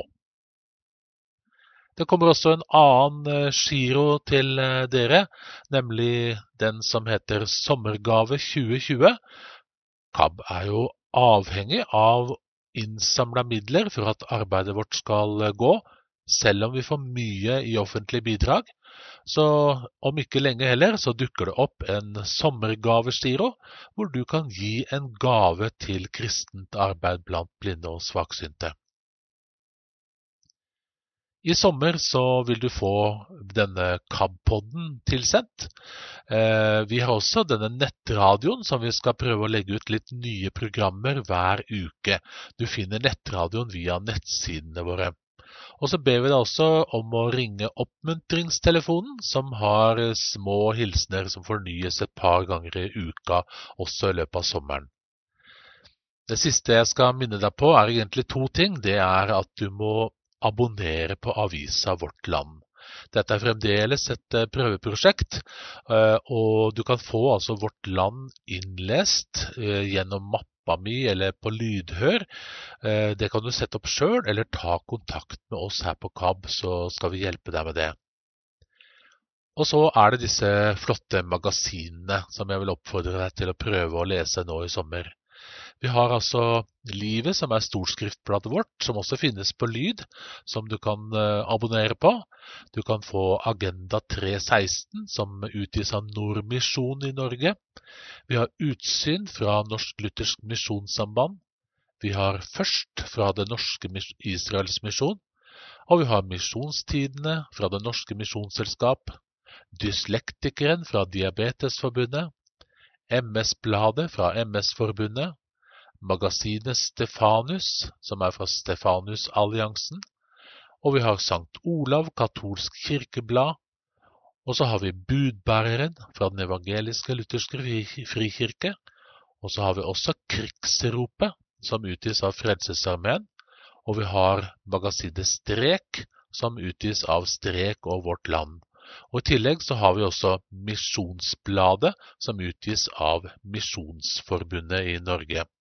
Alle disse bladene kan du abonnere på gjennom eh, KABs lydbibliotek. Og det koster deg ingenting. men det er mye god informasjon og mange gode nyheter og mye oppbyggelig og inspirerende stoff å hente. Vi er jo i denne koronasommeren, og det betyr at KAB også gjennom sitt landsstyremøte, som nylig ble avholdt, har bestemt seg for å avlyse også denne barneleiren som KAB hadde planlagt å ha i august. Vi jobber nå med litt alternative løsninger opp mot de arrangementene vi hadde planlagt å ha i Spania til høsten, og kommer tilbake til det med informasjon så fort som mulig.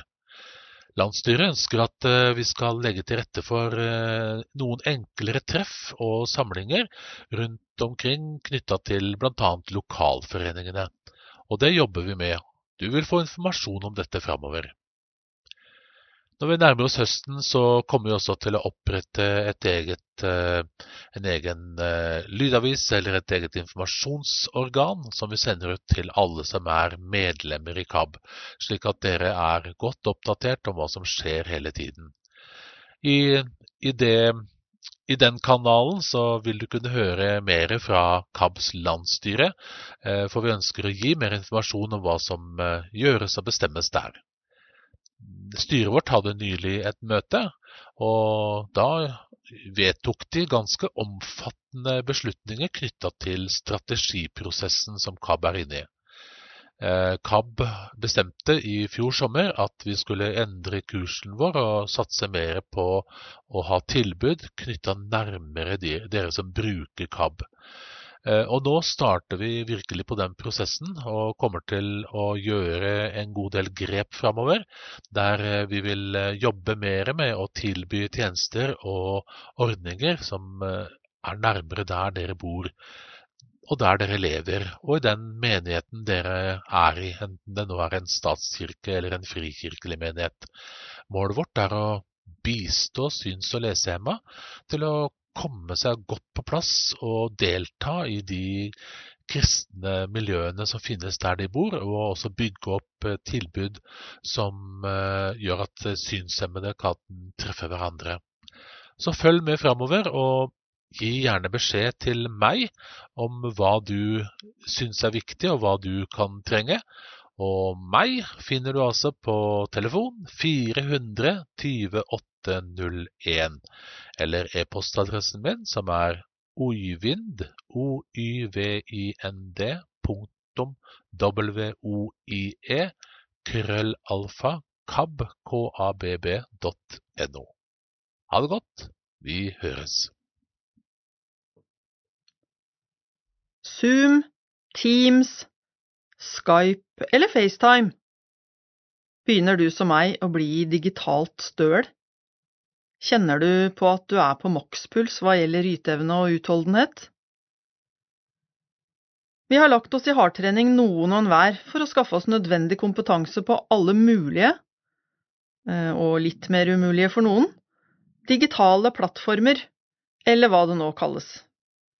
Familie og venner skal chattes med, og på jobben er det nettmøter på alle kanaler. Så når vi nå har kommet oss over dørstokkmila, et sjumilssteg for mange av oss, er det vel bare å cruise inn i den digitale verden? Nei da, da er det tid for å klekke ut det mest kreative og dyptpløyende innholdet som vi nå skal putte inn i alt det vi har lært. Det kan virke som om det som ikke er å finne på nettbrettet nå, det skjer ikke. Og i morgen er det sikkert noe nytt på gang. Det er nok nå. Kan vi trekke pusten litt 2020 blir annerledesåret for oss alle, og verden vil ikke bli den samme igjen. For oss i KAB har hverdagen blitt ganske annerledes. Noen har hjemmekontor, og det holdes forskriftsmessig avstand blant de som treffes på kontorkontoret. Det er til å leve med. Det som gjør mest inntrykk, er alle arrangementer vi må avlyse. Medlemmer har meldt seg på turer til Spania, storsamling på Jeløya, pilegrimsvandring og flere andre arrangementer utover høsten. Nå virker det som vi kan skrive 2020, copy-paste 2021. Alle planlagte arrangementer flyttes ett år fram i tid. Vi krysser fingre, folder hender og håper, som alle andre, at 2021 blir året vi skal treffes og gi hverandre en klem. For blinde og svaksynte er tilbudet om BPA eller støttekontakt nå under press. BPA er vurdert som et helsetilbud, så det skal fungere også nå. Det er for mange dessverre i teorien. Har du bare støttekontakt, får du klare deg uten i disse dagene. Tenk deg hvordan det oppleves å måtte gå alene i butikken når du ikke ser. Eh, hvordan kan du holde avstand til andre? Hvordan kan du finne ting i butikker uten å bruke hendene? Det er jo ganske koselig nå, da. Det er det faktisk noen som sier. Livet har blitt roligere. Hjemmekontor og surdeigsdyrking er til å trives med. Jeg tenker at de første dagene av nedstengningen av Norge hadde en opplevelse av å være i samme båt. Felles skjebne, felles trøst. Nå har denne båten forandra seg. Noen er nesten på et cruiseskip. De nyter rolige dager, spiser god mat og rusler litt rundt på dekk. Om det ikke er en lystseilas, så er det fint og givende. Andre er i en overfylt ferje med dårlig luft. Nå har man heldigvis åpnet døra til bildekket, men det blir litt for tett og krevende med all tiden sammen. Hjemmekontor, hjemmeskole, hjemmetrening og hjemmekino kan bli i meste laget. Dette oppleves som en nødvendig transportetappe, punktum. Så har du de som befinner seg alene i lettbåten. Det å leve alene er ikke så veldig forskjellig fra det mange nå kan oppleve i karantene. Det kan gå dager mellom hver gang man treffer noen. Opplevelsen av høy sjø og mørke skyer i horisonten kan være overveldende. Tenk litt på hvordan det er i en robåt, alene på sjøen, i mørket. Hva trenger du da? Kjenner du noen som kanskje befinner seg i en lettbåt? Ta opp telefonen og ring. Det var Hilde Løven Gromstad som leste sin egen kronikk. Og ellers på denne KAB-podden har du hørt stemmen til Frank Tangen og Øyvind Woie. Jeg heter Kari Underland. Du må gjerne sende oss en e-post med ris eller ros til kab, alfakrøll, kab.no. Nå følger Klippstoff, som er Agenda 316, altså Nordmisjon sitt tidsskrift. Agenda 316 nummer 2 2020 Agenda 316 nummer 2 Redaksjon Postadresse Postboks 7153 St. Olavs plass 0130 Oslo Redaktør Kristin Vennemo Malmin Journalist Per Arne Gjerdi Journalist Birgit Nersten Lopaki, grafisk designer Vibeke Nordmann, salgs- og annonseansvarlig Martin M. Hasseleid. Leder Krevende å konvertere. I hovedsaken denne gangen får du møte Omid som valgte å gå fra muslimsk tro til å bli en som tror at Jesus er Guds sønn og vår frelser. Omid var heldig å ha folk rundt seg som kunne følge ham opp på en god måte og inkludere i hverdagsliv og menighetsliv. Akkurat det er avgjørende for at mennesker som velger å forlate muslimsk tro for å bli en kristen, kan bevare troen og få nye, gode relasjoner. Noen av dem som konverterer, mister sitt gamle nettverk og familie. Hvert år kommer det mennesker fra mange ulike land, kulturer og religioner til Norge. De fleste er på en eller annen måte religiøse, og svært mange har en kristen tro og kan bli inkludert og bidra i våre kristne fellesskap. For den som har forlatt muslimsk tro for å bli en kristen, kan veien til det å bli en del av en menighet i Norge bli lang. Vi lever i en individualistisk kultur og et travelt samfunn. Ikke alle kan dekke alle behov de ser rundt seg, men vi ønsker å utfordre menigheter i Norge til å tenke igjennom om de har rom og tid til å inkludere nye troende, og vi vil minne både enkeltmennesker og menigheter om hva Bibelen sier om gjestfrihet. La oss takke Gud for våre nye landsmenn og be om at de som velger å forlate en tro for å bli kristne i Norge, blir tatt godt imot i kristne fellesskap. Kristin Vennemo Malmin, redaktør i Agenda 316 Manju vil bli politi. Manju Hembrom er i begynnelsen av 20-årene. Den unge, ugifte santalkvinnen har strevd med å finne fast jobb etter fullført tiende klasse. I fjor ble hun med noen kvinner fra landsbyen sin for å lære å lage bambuskorger. Der kom hun i kontakt med ESAF, Nordmisjons samarbeidspartner i India. Det førte til plass på et kurs som kanskje kan gi henne jobb i ESAF og kompetanse på veien videre. Drømmen hennes er å bli politi. Vi hører mer om henne senere i bladet. Innspill ikke alle har det like bra. Jeg har mottatt Agenda 316 nummer 1 2020. Som vanlig er det mye interessant stoff. Artikkelen med fokus på tenåringsforeldre er viktig. Vi som er forbi det stadiet, har mange minner fra den tiden, både på godt og vondt. Ikke alle har det like bra som familien Nilsen på Sotra som dere intervjuet. Det må kunne karakteriseres som en solskinnshistorie. Jeg synes dere burde vise flere typer familier med andre historier. Vennlig hilsen Nils Einar Helland. Jubileumsår i Agenda 316 I 2020 feirer vi 20. årgang av Agenda 316. Vi starter feiringen med å gi et meget gunstig tilbud på Agenda 316 til nye abonnenter. Se baksiden av bladet. Send oss innspill. Agenda 316 krøllalfa nordmisjon.no Livspuls. Måtte kjempe for livet. Erling Rantrud kavet i sjøen i flere timer etter en kajakkvelt, var havet stort og Gud enda større. Tekst Birgit Nersten Lopaki Brita Skogly Kraglund jeg følte en stor ro midt i dramatikken, jeg pratet med Gud og ba, men på et tidspunkt visste jeg ikke om jeg ville komme i land levende, forteller han på kontoret i Sandefjord, der han er prest i det evangelisk-lutherske kirkesamfunnet, Delk. Det som skulle være en fin feriedag for Erling, kona Gina og minstejenta på hytta i Ny Hellesund, endte med stor dramatikk 26. juni 2014 var det sommer, sol og sjø. Far i huset ville bare ta en rask padletur.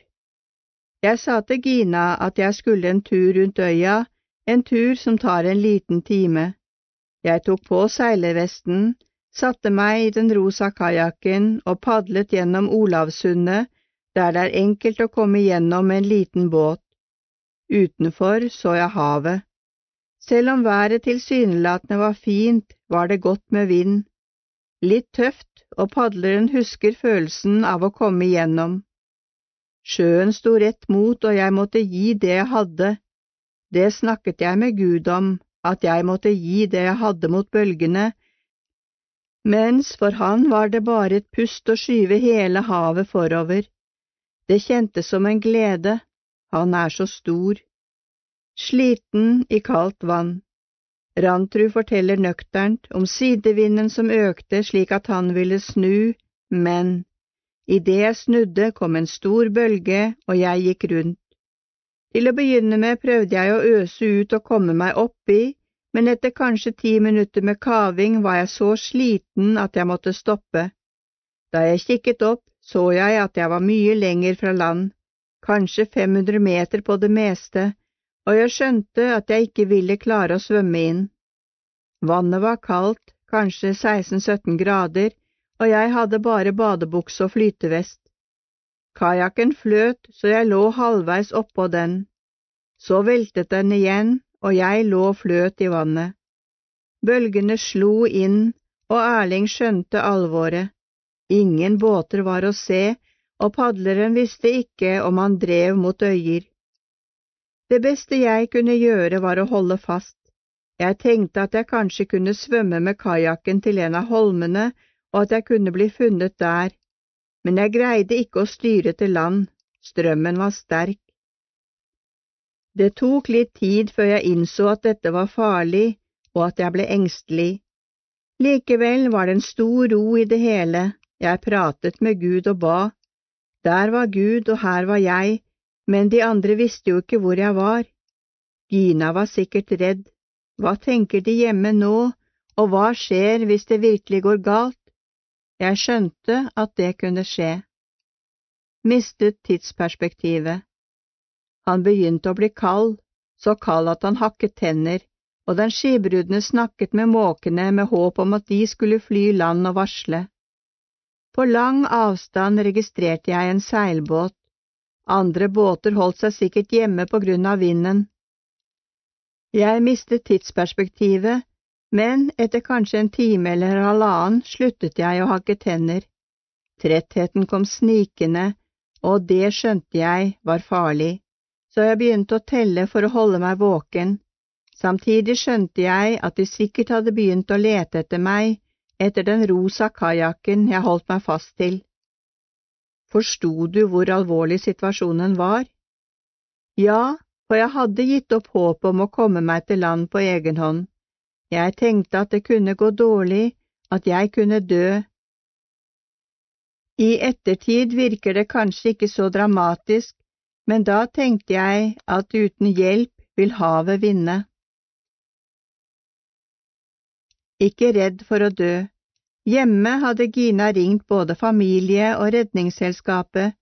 Brødrene hennes kom det raskeste de maktet fra Skien, jungeltelegrafen var i sving, og mange var med i bønn. Min tante fortalte etterpå at hun ba om to konkrete ting, at jeg ikke skulle være redd og at jeg skulle være sterk. Hvordan var dine følelser mens tiden gikk og du fortsatt lå i vannet? Jeg var ikke redd for å dø, Gud er jo der, men jeg var redd for hva som skulle skje med de andre. Jeg følte meg ikke ferdig med å være ektemann, far til tre og prest. Så skjedde det noe med kajakken, plutselig var det vann i alle skott og den sank ned. Vannet dekket han, han ble omsluttet av mørke, redningsvesten ble tung, bølgene slo flere ganger over hodet hans. Friluftsmenneske Erling Rantrud er et friluftsmenneske, han stortrives ute, fascineres av det han ser på sine turer i fjellet eller på sjøen, og ikke minst av alt som vokser og gror. Så startet også yrkeskarrieren hans som gartner etter tre år på Gjennestad gartnerskole. Der møtte han kjærligheten. Gina og Erling giftet seg, 20 år gamle. På Gjennestad fikk den unge gartneren høre at han var flinkere med elevene enn med planter. Da åpnet det seg mulighet for undervisning.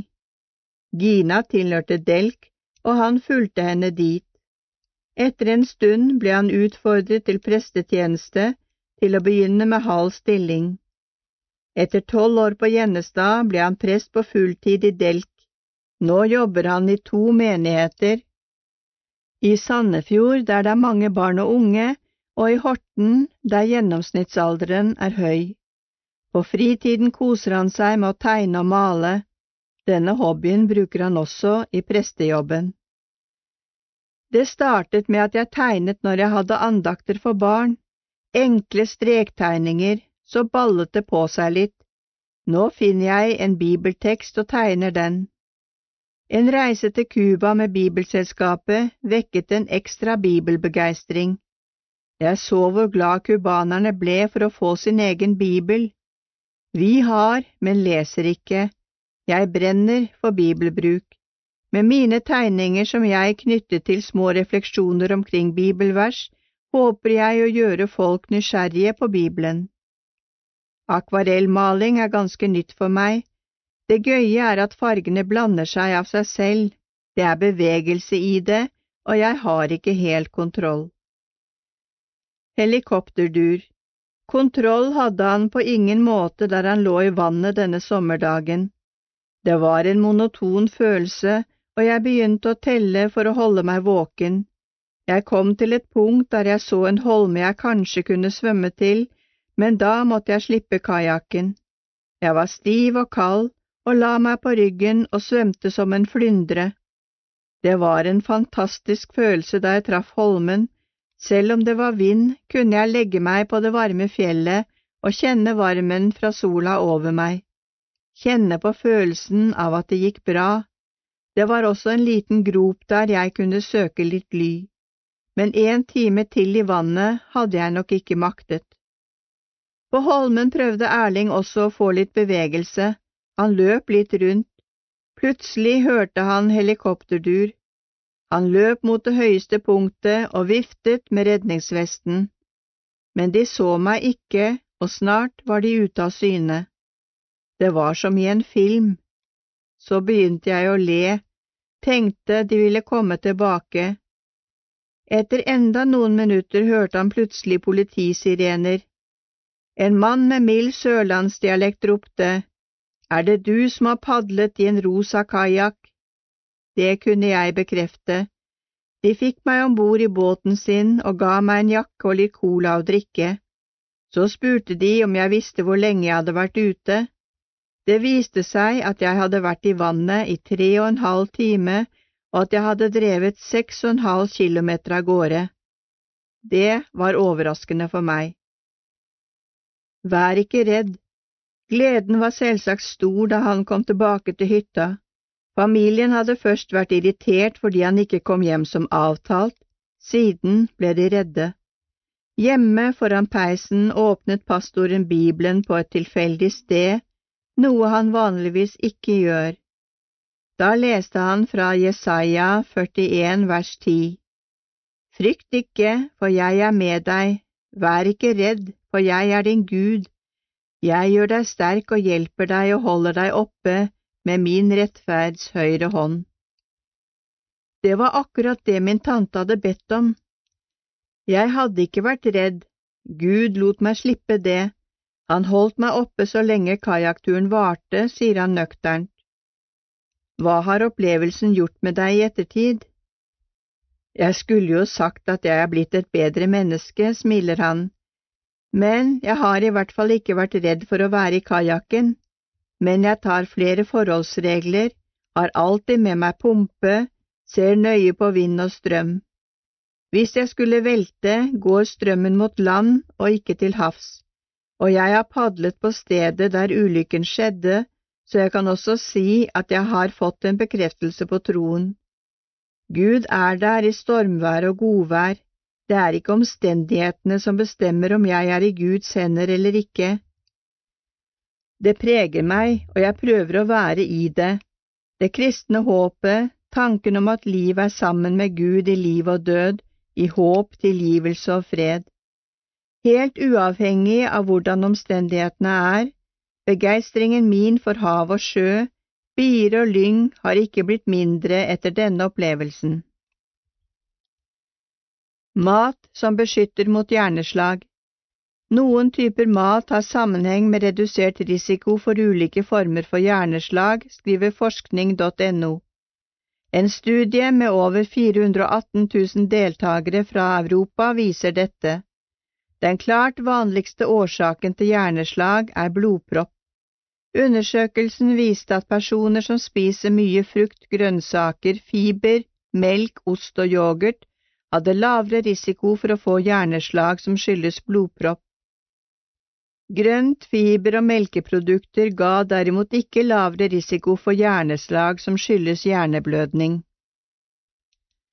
Søvn og barns psykiske helse Det er allment kjent at mangel på søvn fører til redusert livskvalitet. Nå viser en ny studie at søvnlengde påvirker barns psykiske helse. Undersøkelsen er en del av prosjektet Tidlig trygg i Trondheim. Gjennom flere år har 800 barn blitt undersøkt.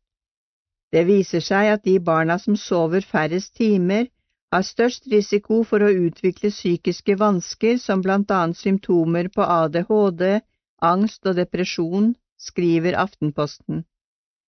Anbefalt søvnlengde for barn i alderen 3 til 5 år er 13 til 15 timer per natt.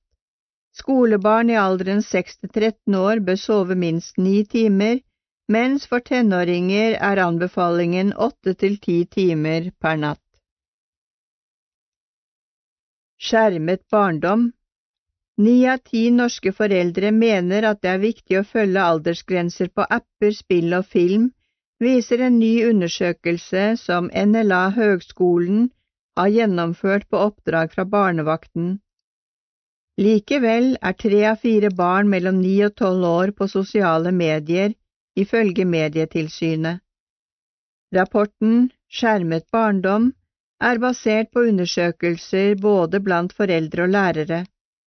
Foreldreundersøkelsen viste at det er et stort behov for blant annet klare råd knyttet til tidsbruk, aldersgrenser og praktisering av regler. I lærerundersøkelsen ble det særlig uttrykt et ønske om ressurser knyttet til tema om nettmobbing, problematisk nettbruk, mediepåvirkning og selvbilde, skriver barnevakten.no. Ord av Thomas Sjødin Også sjelen har innimellom behov for å gå i slåbrok og tøfler og slepe foten etter seg. Kristendommen var en revolusjon. Alt vi i dag tar for gitt i vår vestlige verden, som likeverd, demokrati og menneskerettigheter, er det noe universelt som like gjerne kunne ha utviklet seg uten kristendommen? Tom Hollands svar er nei, og i sin nye bok Dominion utdyper han hvorfor. Tekst Per Arne Gjerdi, London. Den britiske historikeren har skrevet flere bøker om Romerriket og antikken, og ser tydelig hvilken revolusjon og forvandling som Jesus, evangeliene og Paulus brev brakte inn i en brutal og nådeløs verden. Som barn var Tom Holland mye mer interessert i de store imperiene enn han var i Bibelens fortellinger om Jesus og disiplene. Han lot seg begeistre av maktoppvisning, purpurkapper, ørnesymboler og hærtropper. Da Jesus ble ført fram for Pontius Pilatus, holdt han med sistnevnte, som var en glamorøs og mektig skikkelse. Som historiker begynte han tidlig å skrive, særlig om romerne og om grekerne. Som voksen er din reaksjon på denne verdenen uunngåelig noe annerledes enn den er for et romantisk og naivt barn. Jeg ble stadig mer urolig etter hvert som jeg prøvde å komme på innsiden av romernes tankegang. De virket bare fremmede for meg. 11. september som bakteppe. Rubicon den første boken Holland skrev, handlet om den romerske republikkens fall. Han skrev den med 11. september og opptakten til Irak-krigen i 2003 som bakteppe. Tanken var at Amerika og Roma på en måte var speil holdt opp mot hverandre.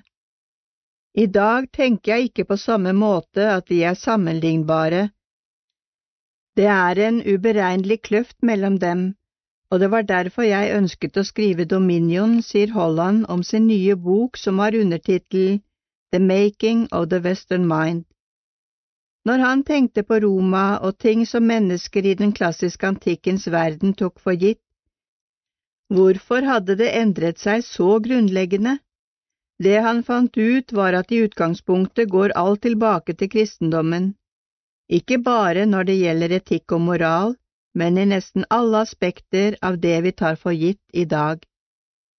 Reiste til Irak. Noe som satte fokus på dette forholdet, skjedde etter at han hadde fullført skrivingen av Dominion. Han var med å lage en dokumentarfilm som innebar en reise til Irak.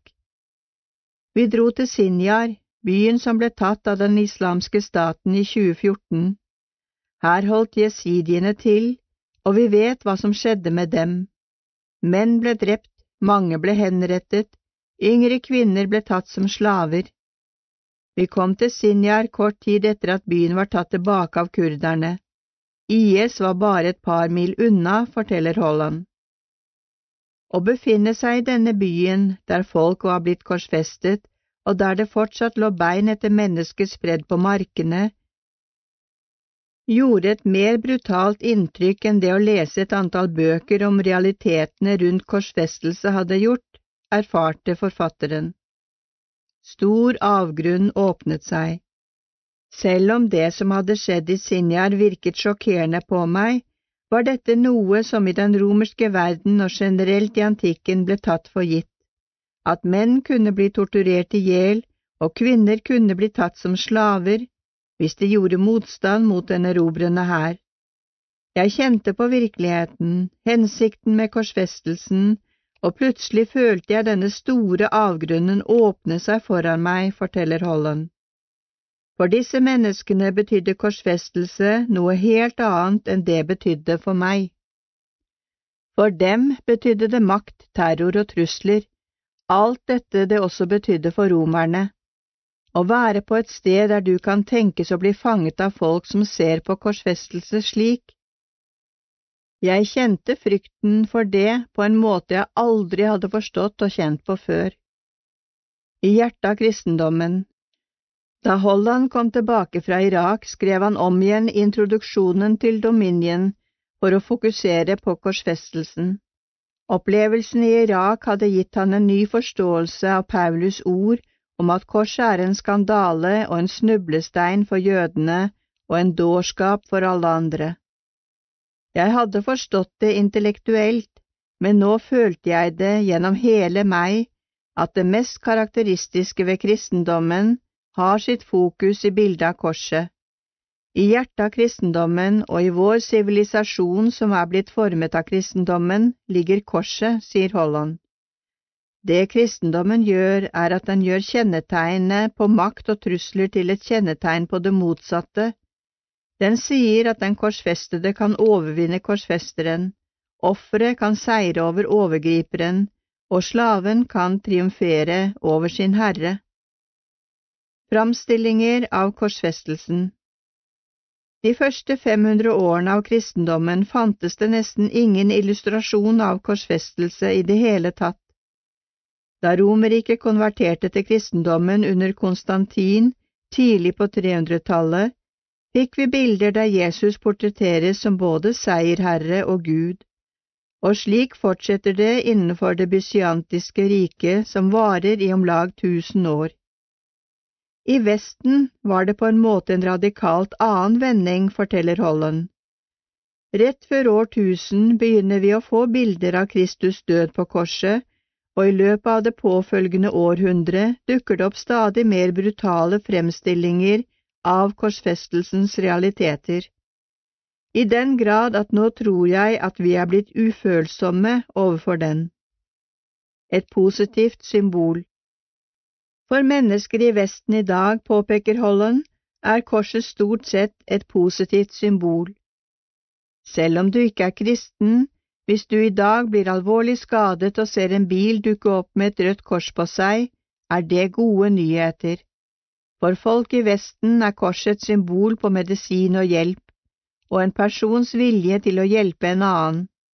Kanskje har det hindret oss i å tenke på hva korset opprinnelig var, og historien om hvordan dette ble et håpets kjennetegn. I middelalderen levde folk mye tettere på vold, og man var vitne til at mange mennesker ble torturert og drept. En slaves skjebne, at et menneske som var blitt korsfestet skulle bli hyllet som en gud, kunne ikke bli sett av mennesker i den romerske verden som noe annet enn skandaløst, uanstendig, grotesk, bemerker Holland. Korsfestelse er en slaves skjebne, den rammer opprørere, men spesielt slaver. Den blir sett på som passende for slaver, fordi ikke bare er døden pinefull, men den er offentlig. I din ydmykelse og død blir du blottstilt for verden, og dette er i den romerske verden en fryktelig skjebne. Du dør med alles blikk på deg. Revolusjonerende. Du sier innledningsvis i Dominion at du ikke skriver historien om kristendommen, men at du gir en panoramisk undersøkelse av dens utvikling. Ja, boken er ikke en historie om kristendommen, det er en historie om hva som har vært forvandlende med kristendommen, og det er noe annet. Jeg er ikke interessert i å skildre detaljer om alle konsiler og kjetterier, jeg er interessert i hva det er ved kristendommen som har gjort den til den mest revolusjonerende og forvandlende måten å forstå menneskehetens rolle i verden på noensinne. Fortellinger viktig Hvert kapittel i Hollands bok begynner med et bestemt øyeblikk som illustrerer et bestemt aspekt ved kristendommens revolusjonerende karakter. Jeg ønsket å gjøre det fordi et av temaene i boken, selv om jeg kanskje ikke uttaler det eksplisitt, er at fortellinger, lignelser og historier er like viktige som teologi og filosofi med tanke på å forklare kristendommens innflytelse.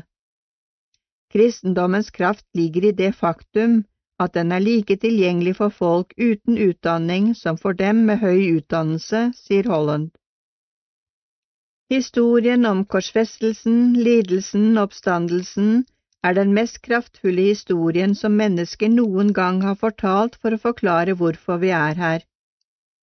På vei til Damaskus Holland skriver om Paulus som på vei fra Jerusalem til Damaskus møtte Jesus i et forblindende lys og fikk denne visjonen om en ny forståelse av Gud og en guddommelig kjærlighet.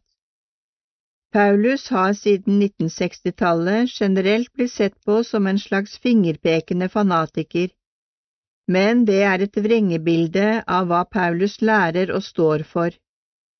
Det vi trenger å forstå, er at i det romerske samfunnet er dynamikken ikke mann eller kvinne, men mektig og maktesløs, og i den romerske verden, hvis du er en mannlig statsborger, har du absolutt seksuell kontroll over alle som er dårligere stilt enn deg selv.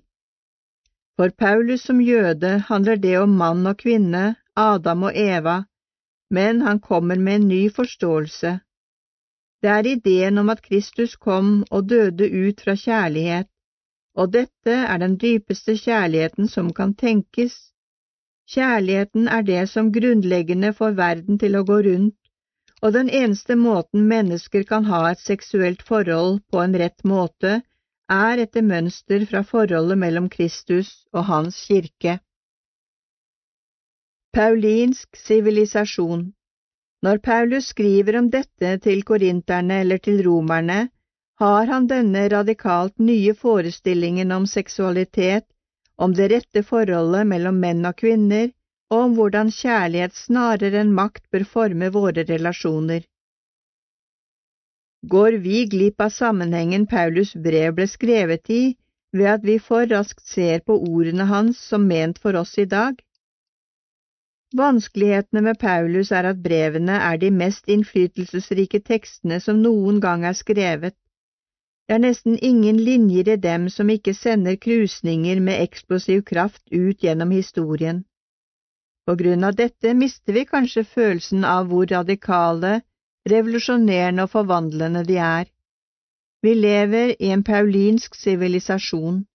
Det samme kan sies om Jesus og evangeliene, men vi er så vant til Jesusskikkelsen og Paulus' lære at det er vanskelig å komme inn i en ny tankemåte der dette er helt nytt. Debatt med filosof I fjor møtte Holland filosofen A.C. Grayling til debatt i den britiske podkasten Unbelievable. Grayling ville overhodet ikke akseptere Hollands uttalelse om at vestlige verdier som demokrati og likhet stammer fra kristendommen. Jeg vil si som Freud at hvis du benekter noe som er åpenbart, så forteller det deg ganske mye om hva det du benekter. Grayling er eksempel på en tradisjon innen humanisme og ateisme som benekter enhver innflytelse fra kristendommen. Jeg forstår ikke hvordan du kan gjøre det, sier Holland. Jeg tror at stort sett alt de fleste tar for gitt i Vesten stammer fra Paulus, fra kirkefedrene, fra de store middelalderske teologene, fra Luther og Calvin. Det er også grunnen til at jeg liker å fortelle historier. Kristendommen inneholder kraftfulle historier om hva folk tenker og føler. All you need is love. Holland omtaler mange historiske skikkelser i sin bok, fra eldgamle tider til i dag. På et tidspunkt siterer han The Beatles' berømte sang fra slutten av 60-tallet, All You Need Is Love. Bakgrunnen for dette, sier han, var at han kom over følgende kommentarer fra historikeren Callum Brown. For organisert kristendom utgjorde 60-tallet den mest konsentrerte krisetiden siden reformasjonen. Jeg synes denne ideen om 60-tallet som en prosess med moralsk omveltning, sammenlignbar med reformasjonens første tiår, var utrolig interessant. All you need is love er selvfølgelig et utsagn som kristne har brukt i veldig lang tid. Beatles så det som et universelt budskap som alle kan forstå, men uttrykket deres hadde sine åpenbare røtter. De var alle oppdratt i kristen sammenheng, påpeker Holland. Personlig reise Hvordan har det å skrive denne boken vært en personlig reise? Det har vært en enormt personlig reise. Det er en bok om meg, om hva jeg tenker og hvorfor jeg tenker det. Det er som å følge en tråd inn i en labyrint som fører til Paulus og evangeliene. Nesten alt jeg tenker, gjenkjenner jeg som dypt kristent. Det har på en måte vært som en pilegrimsreise for meg. Skoleguiden Videregående skoler Gjennestad videregående skole Tom videregående skole og landbruksstudier. Kristen videregående skole Nordland. NLM videregående skole. Framnes videregående skole. Høyskoler og fagskoler. Hall Internasjonale senter, VID vitenskapelige høyskole, NLA Høgskolen. Bibelskoler. Bibelskolen i Grimstad, Akta bibelskole, Misjonsskolen, Gå ut-senteret. Folkehøyskoler Danvik folkehøyskole, Bjerkely folkehøyskole, Haugetun folkehøyskole, Risøy folkehøyskole, Musikkfolkehøgskolen Viken, Nordfjord folkehøgskole, Bakketun folkehøgskole, Grenland folkehøgskole, Alta folkehøgskole, Fredly folkehøgskole, Folkehøgskolen Sørlandet, Sunnfjord folkehøgskole. Vil kjempe for rettferdighet. Tekst og foto Audun Nedrelid, India. Tenk deg at du som kvinne går inn på Majorstuen politistasjon i Oslo for å anmelde tyveri. I skranken blir du gjort til latter, du blir ikke trodd, og får beskjed om å komme deg ut. I Bogstadveien kommer fire menn fra Holmenkollen opp til deg og sier ubekvemme og seksualiserte ord. Hjemme i Skien sitter din far og gråter fordi han nettopp har tvangssolgt tomta til småbruket til Statsbygg som skal bygge et nytt kontorbygg. Prisen er langt under det taksten tilsier, og han blir tvunget til å slutte som bonde nå som det ikke er mer mark igjen å dyrke. Du spør deg selv, er dette rettferdig? Er det noe du kan gjøre? Det er oktober 2019 på landsbygda i Jharkhand, India.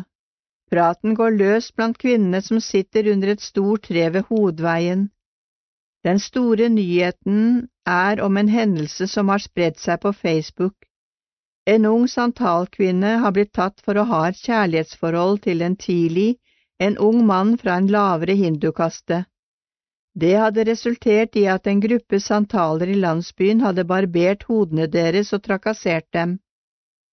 Hadde dette skjedd med en høyere hindukaste, ville paret sannsynligvis blitt drept av mobben. Kjærlighetsforhold på tvers av kaster og religioner, spesielt mellom høyere hindukaster og ikke-hinduer, er fortsatt noe samfunnet ofte ikke tolererer. En diger lastebil med stein dundrer forbi, så kommer enda en og enda en. Slik kjører de fra morgen til kveld til og fra steinknuseriene som ligger i området. Støvet virvler rundt dem, en av kvinnene forteller at de måtte selge en del av marka til et av steinknuserselskapene. Naboen hadde nektet, men ble da truet på livet. Lungeproblemer Flere av kvinnene under treet jobbet tidligere i steinknuseriene. Mange de kjenner lider av lungeproblemer på grunn av støvet, og de sliter med ryggproblemer. Arbeidsforholdene der er uten noen form for sikkerhet, selv om dette har blitt bedre med årene. Og selv om det å jobbe i steinknuseriene gir raske penger å tjene, er det verste den seksuelle trakasseringen som flere av dem har opplevd, spesielt fra lastebilsjåførene. Det har også hendt at kvinnelige arbeidere har blitt tvunget til seksuell omgang for å beholde jobben. Seksuell trakassering er også noe flere har opplevd på bussen, på markedet og andre plasser hvor menn er samlet i grupper. Manju Hembrum, en ung, ugift santalkvinne i begynnelsen av 20-årene, knytter bambuskorgen ferdig og kjenner at hun blir sintere og sintere jo mer praten går. En ny lastebil dundrer forbi. Rett og galt. Samtidig kjører det en jeep ut fra Dumka distrikt. Vi er sammen med Nishant Gorav Dutta, som er prosjektkoordinator og ansvarlig for SQ-teamet, eller Stone Carry Team Project. Han jobber for Evangelical Social Action Forum, ESAF, Nordmisjonens samarbeidspartner i India. Min hovedrolle er å følge opp teamet som jobber i felt. Jeg planlegger det å opparbeide en bærekraftig inntekt gjennom å lage og selge bambusartikler, samt øke bevisstheten rundt hva som er rett og galt overfor santalbefolkningen, forteller han. Han har ansvar for de tre områdene Shikaripara, Ramburhat og Umdebasar, som alle ligger i Jharkhand og delvis i nabostaten Vest-Bengal. I disse områdene er det store forekomster av granitt og dermed mye gruveaktivitet. Etterspørselen er stor, siden det i hele Vest-Bengal og Bangladesh ikke finnes stein til vei og husbygging, og da snakker vi om en befolkning på minst 250 millioner mennesker. De har også funnet kull i disse områdene, og myndighetene har lagt store planer for å utvinne dette i årene framover, noe som vil medføre markante naturinngrep i en allerede sårbart område. Lettjente penger For det er i dette området santalfolket bor i dag og har dyrket sitt land i generasjoner, noe som har ført til at mye av deres land har blitt tatt til gruvedrift. Santalfolket blir da mer eller mindre tvunget til å jobbe i steinknuseverkene og gruvene under svært dårlige og helsefarlige forhold. Tidligere var lønningene svært lave, men dette har i det siste blitt bedre, og jobben gir ifølge Nishant lettjente penger. Det som er problematisk i dag, er at det er lett å tjene penger i steinindustrien. Du får godt betalt for kort tids arbeid, for fire timers hardt arbeid får du 300–500 rupi, ca 60 kroner, og du er ferdig med arbeidsdagen. I India har regjeringen bestemt at minstelønna er 270 rupi per dag, så det vil si at de får mer enn minstelønna for en halv dags arbeid. Dette er attraktivt blant de unge i santalsamfunnet, derfor forlater de studiene for heller å tjene raske penger, sier prosjektkoordinatoren. Han forteller at dette har ført til en massiv analfabetisme i disse områdene.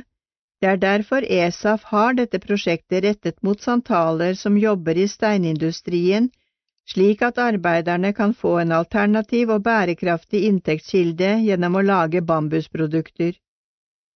Da får de mulighet til å jobbe i hjemmet eller landsbyen uten at de trenger å avbryte studiene, sier Nishant. Jeepen stopper ved treet hvor Manju og de andre kvinnene sitter. Han hilser på dem og får en oppdatering av de lokale feltarbeiderne. Jenter er ikke trygge. Manju gikk på skolen til og med tiende klasse. Etter det har hun prøvd mange muligheter. Først flyttet hun til Patna i nabostaten Bihar, hvor hun lærte å sy. Deretter flyttet hun tilbake og prøvde å jobbe med nettverksmarkedsføring men møtte store utfordringer, blant annet fordi hun ikke hadde bil. Manju måtte slutte og var i en periode uten jobb. Tidlig i oktober i fjor ble hun med noen kvinner fra landsbyen for å lære å lage bambuskorger. Der møtte hun Nishant fra Esaf. De kom i prat, han så en potensial i henne. Vi spør om å få snakke mer med Manju og blir invitert hjem til henne for å hilse på familien. Hun bor sammen med mor, far, en søster og to brødre. Manju forteller om sin drøm å fullføre studier og bli politi. Vi spør hvorfor hun ønsker å bli politi. For å hjelpe mitt folk og la dem få rettferdighet, svarer hun. Hun forteller at i det indiske samfunnet blir santalkvinner ofte sett på som lette bytter i jakten på sex. Jenter er ikke trygge, de får seksuelle kommentarer og kan også bli fysisk berørt av menn kun fordi de har en lavere status i samfunnet. Manju sier at et annet problem er at når noe har skjedd, som et tyveri eller noe annet kriminelt, og de som minoritet går til politi eller en høyere myndighet, blir de ikke tatt seriøst. Dette tenker jeg mye på, derfor ønsker jeg å bli en del av myndighetene selv, for å hjelpe spesielt de fra landsbyene som ikke får hjelp. Utdanning er viktig. Dette var et ønske Nishant ville gjøre noe med. Etter at de kom i kontakt, fikk hun plass på Lahanti Institute of Multiple Skills, LIMS, som er en yrkesskole til ESAF. Lahanti betyr utvikling på santali. Her skal Manju følge et kurs fram til sommeren innenfor data og kontorarbeid. De som starter på kurset vårt, mangler motivasjon og langsiktig tenkning. De tenker kun på hvor mye de tjener etter kurset. Men da jeg snakket med Manju første gang, var hun mye mer entusiastisk om hva fremtiden kunne bringe. Jeg utfordret henne derfor til å ta fatt på studiene sine igjen med å tilby et kurs på LIMS. Om det går bra, kan det være mulig at hun får jobb i ESAF. Dette vil gi henne profesjonell kompetanse og en mulighet til å komme seg videre i andre organisasjoner og foretak. Nishant forteller at det ofte bare er noen få santaler fra landsbygda som får muligheten til å få en videre utdanning. Det er gjennom utdanningen de får se hva som er riktig og hva som er galt i samfunnet, utover det som er vanlig i landsbyen. I sitt lokalsamfunn ser de alle problemene med for eksempel alkoholisme og medgift som i hovedsak er forårsaket av menn. Selv om man vet at det er feil, er det ingen som tør å si fra siden det alltid har vært slik. Hvis Manju kan få lære hva som er riktig og galt gjennom sin utdannelse, vil hun også være den som vet hvordan de kan oppnå rettferdighet. Hun vet hvordan rettssystemet fungerer og hvilke rettigheter de som minoritet og samfunnsborgere har. Hun vil da bli et forbilde for de andre i landsbyen. Vi vil bygge opp lokalsamfunnet gjennom henne, og hun kan føre til store endringer i sine omgivelser. Egne veier Vi må dra tilbake til treet ved veikanten. Manju må få flettet ferdig korgene. Hun vet ennå ikke at Nishant har en plan for henne ved å gi henne en plass på Lims. Vi tar noen bilder utenfor huset til familien. På armen har hun tatovert et kors. Hun er den eneste kristne i familien, et valg hun tok selv da hun gikk på søndagsskolen som barn. Utenfor nabohuset sitter noen menn og følger med. Et par er svært påvirket av alkohol. De drikker, for de har ingen jobb.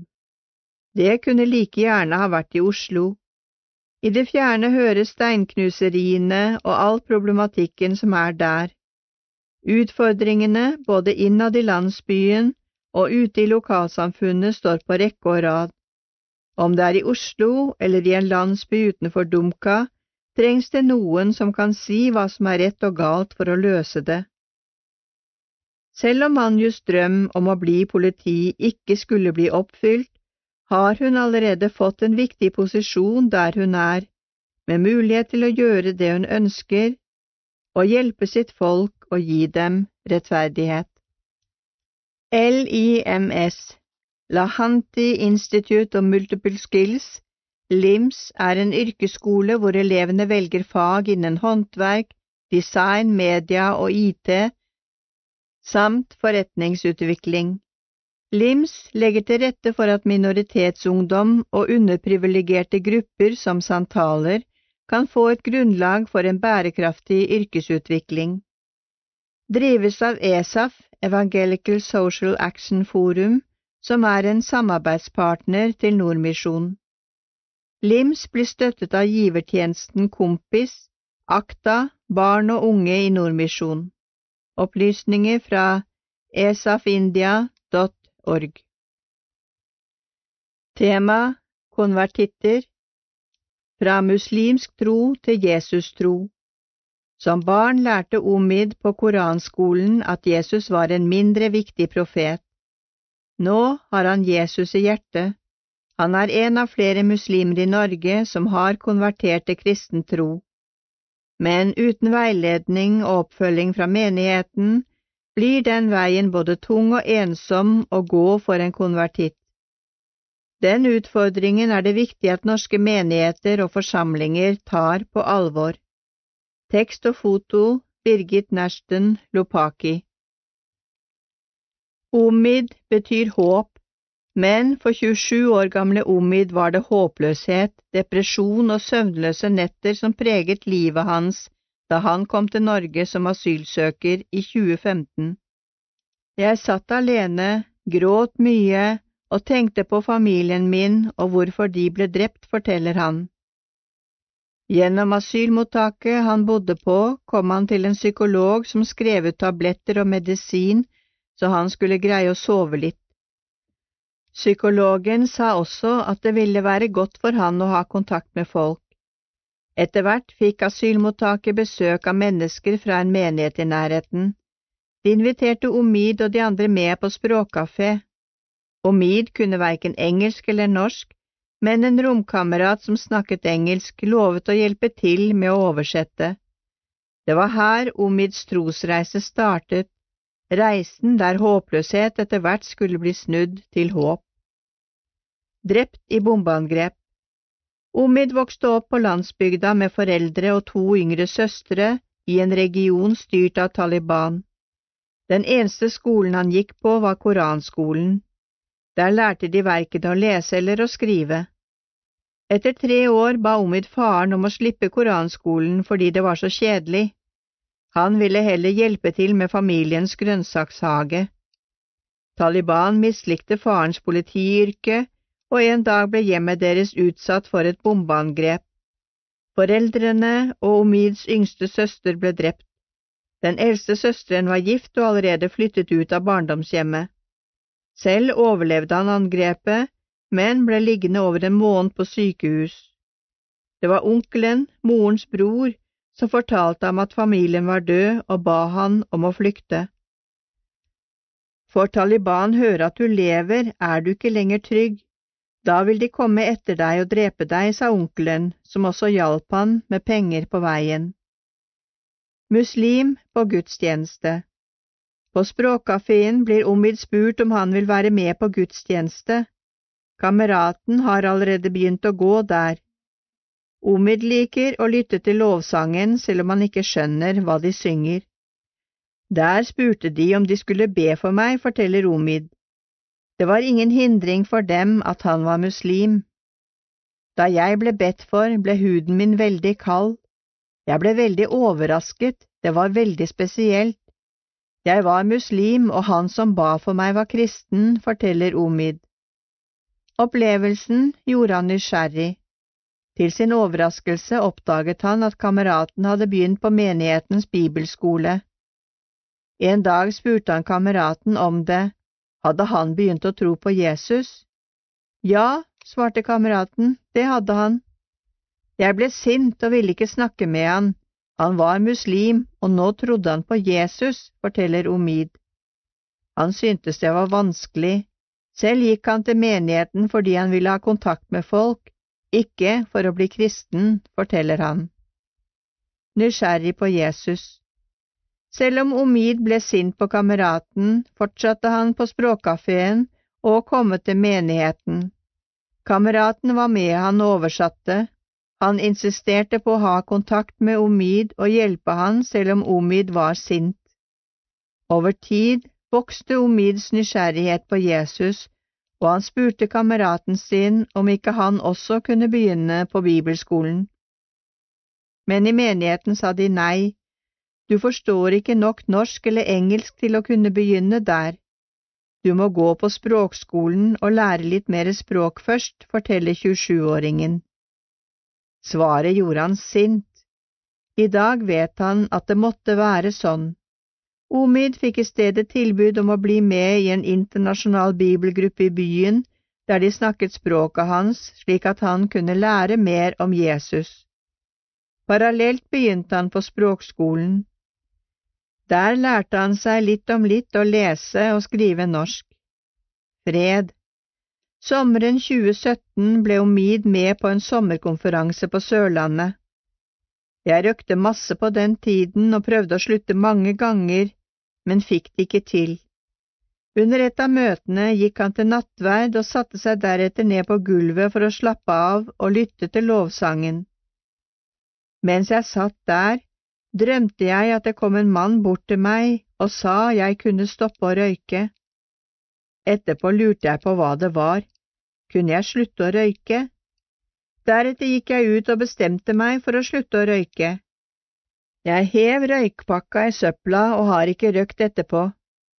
Da de kom tilbake fra konferansen, fortalte Omid kameraten at han nå trodde på Jesus og ville bli døpt.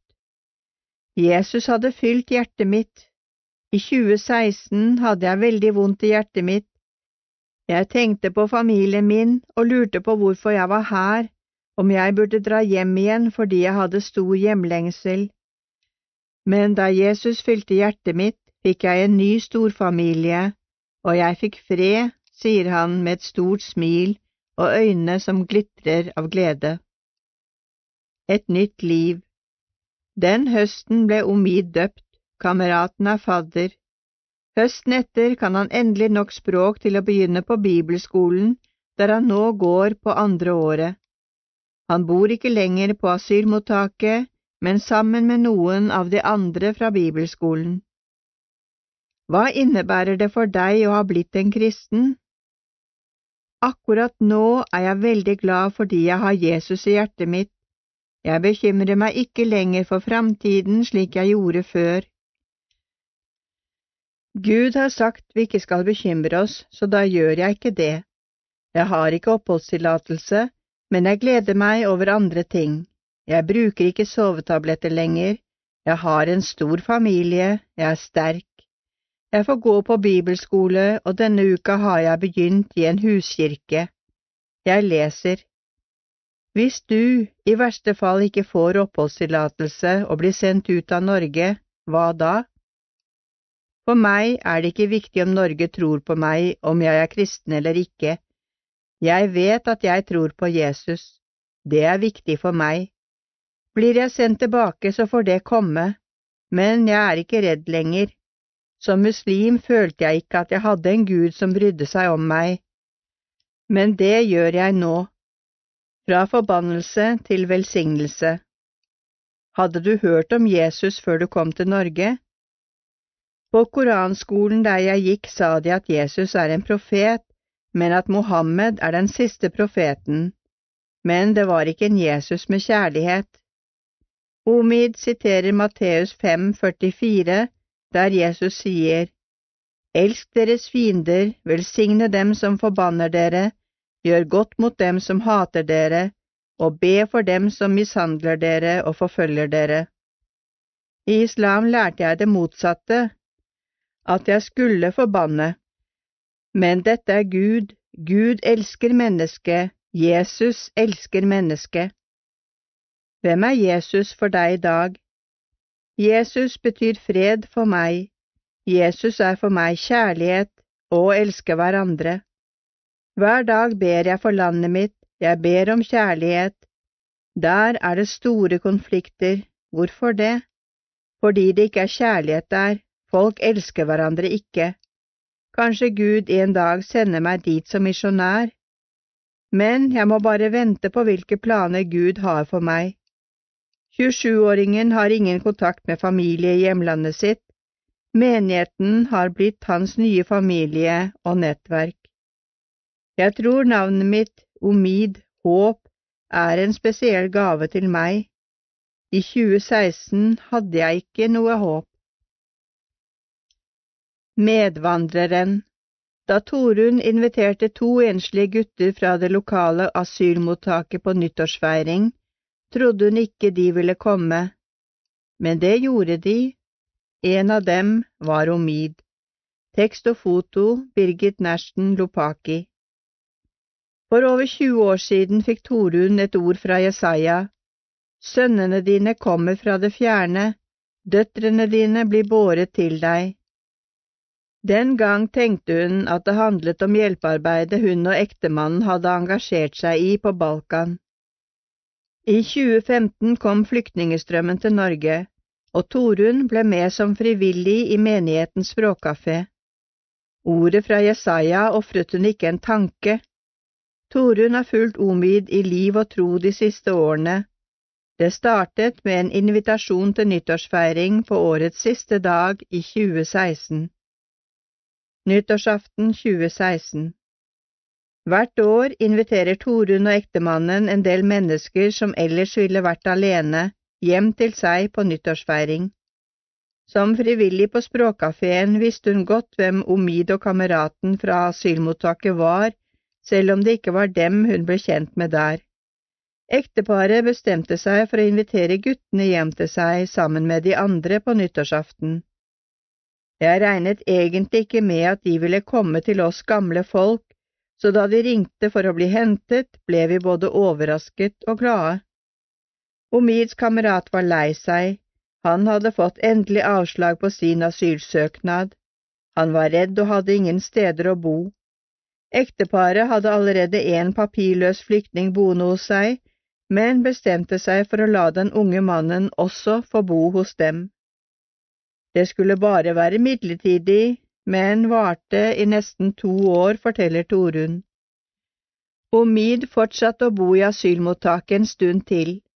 Etter hvert ble det gjennom menigheten ordnet med et sted å bo i et bofellesskap med noen andre unge gutter tilknyttet menigheten, også for han. Er seg selv. Den kristne kvinnen er godt kjent med trosreisen begge mennene har gjort. Hvilke tanker har du gjort deg gjennom denne tiden og alt som har skjedd? Vi har sett at de faller til ro midt i frustrasjonen og frykten.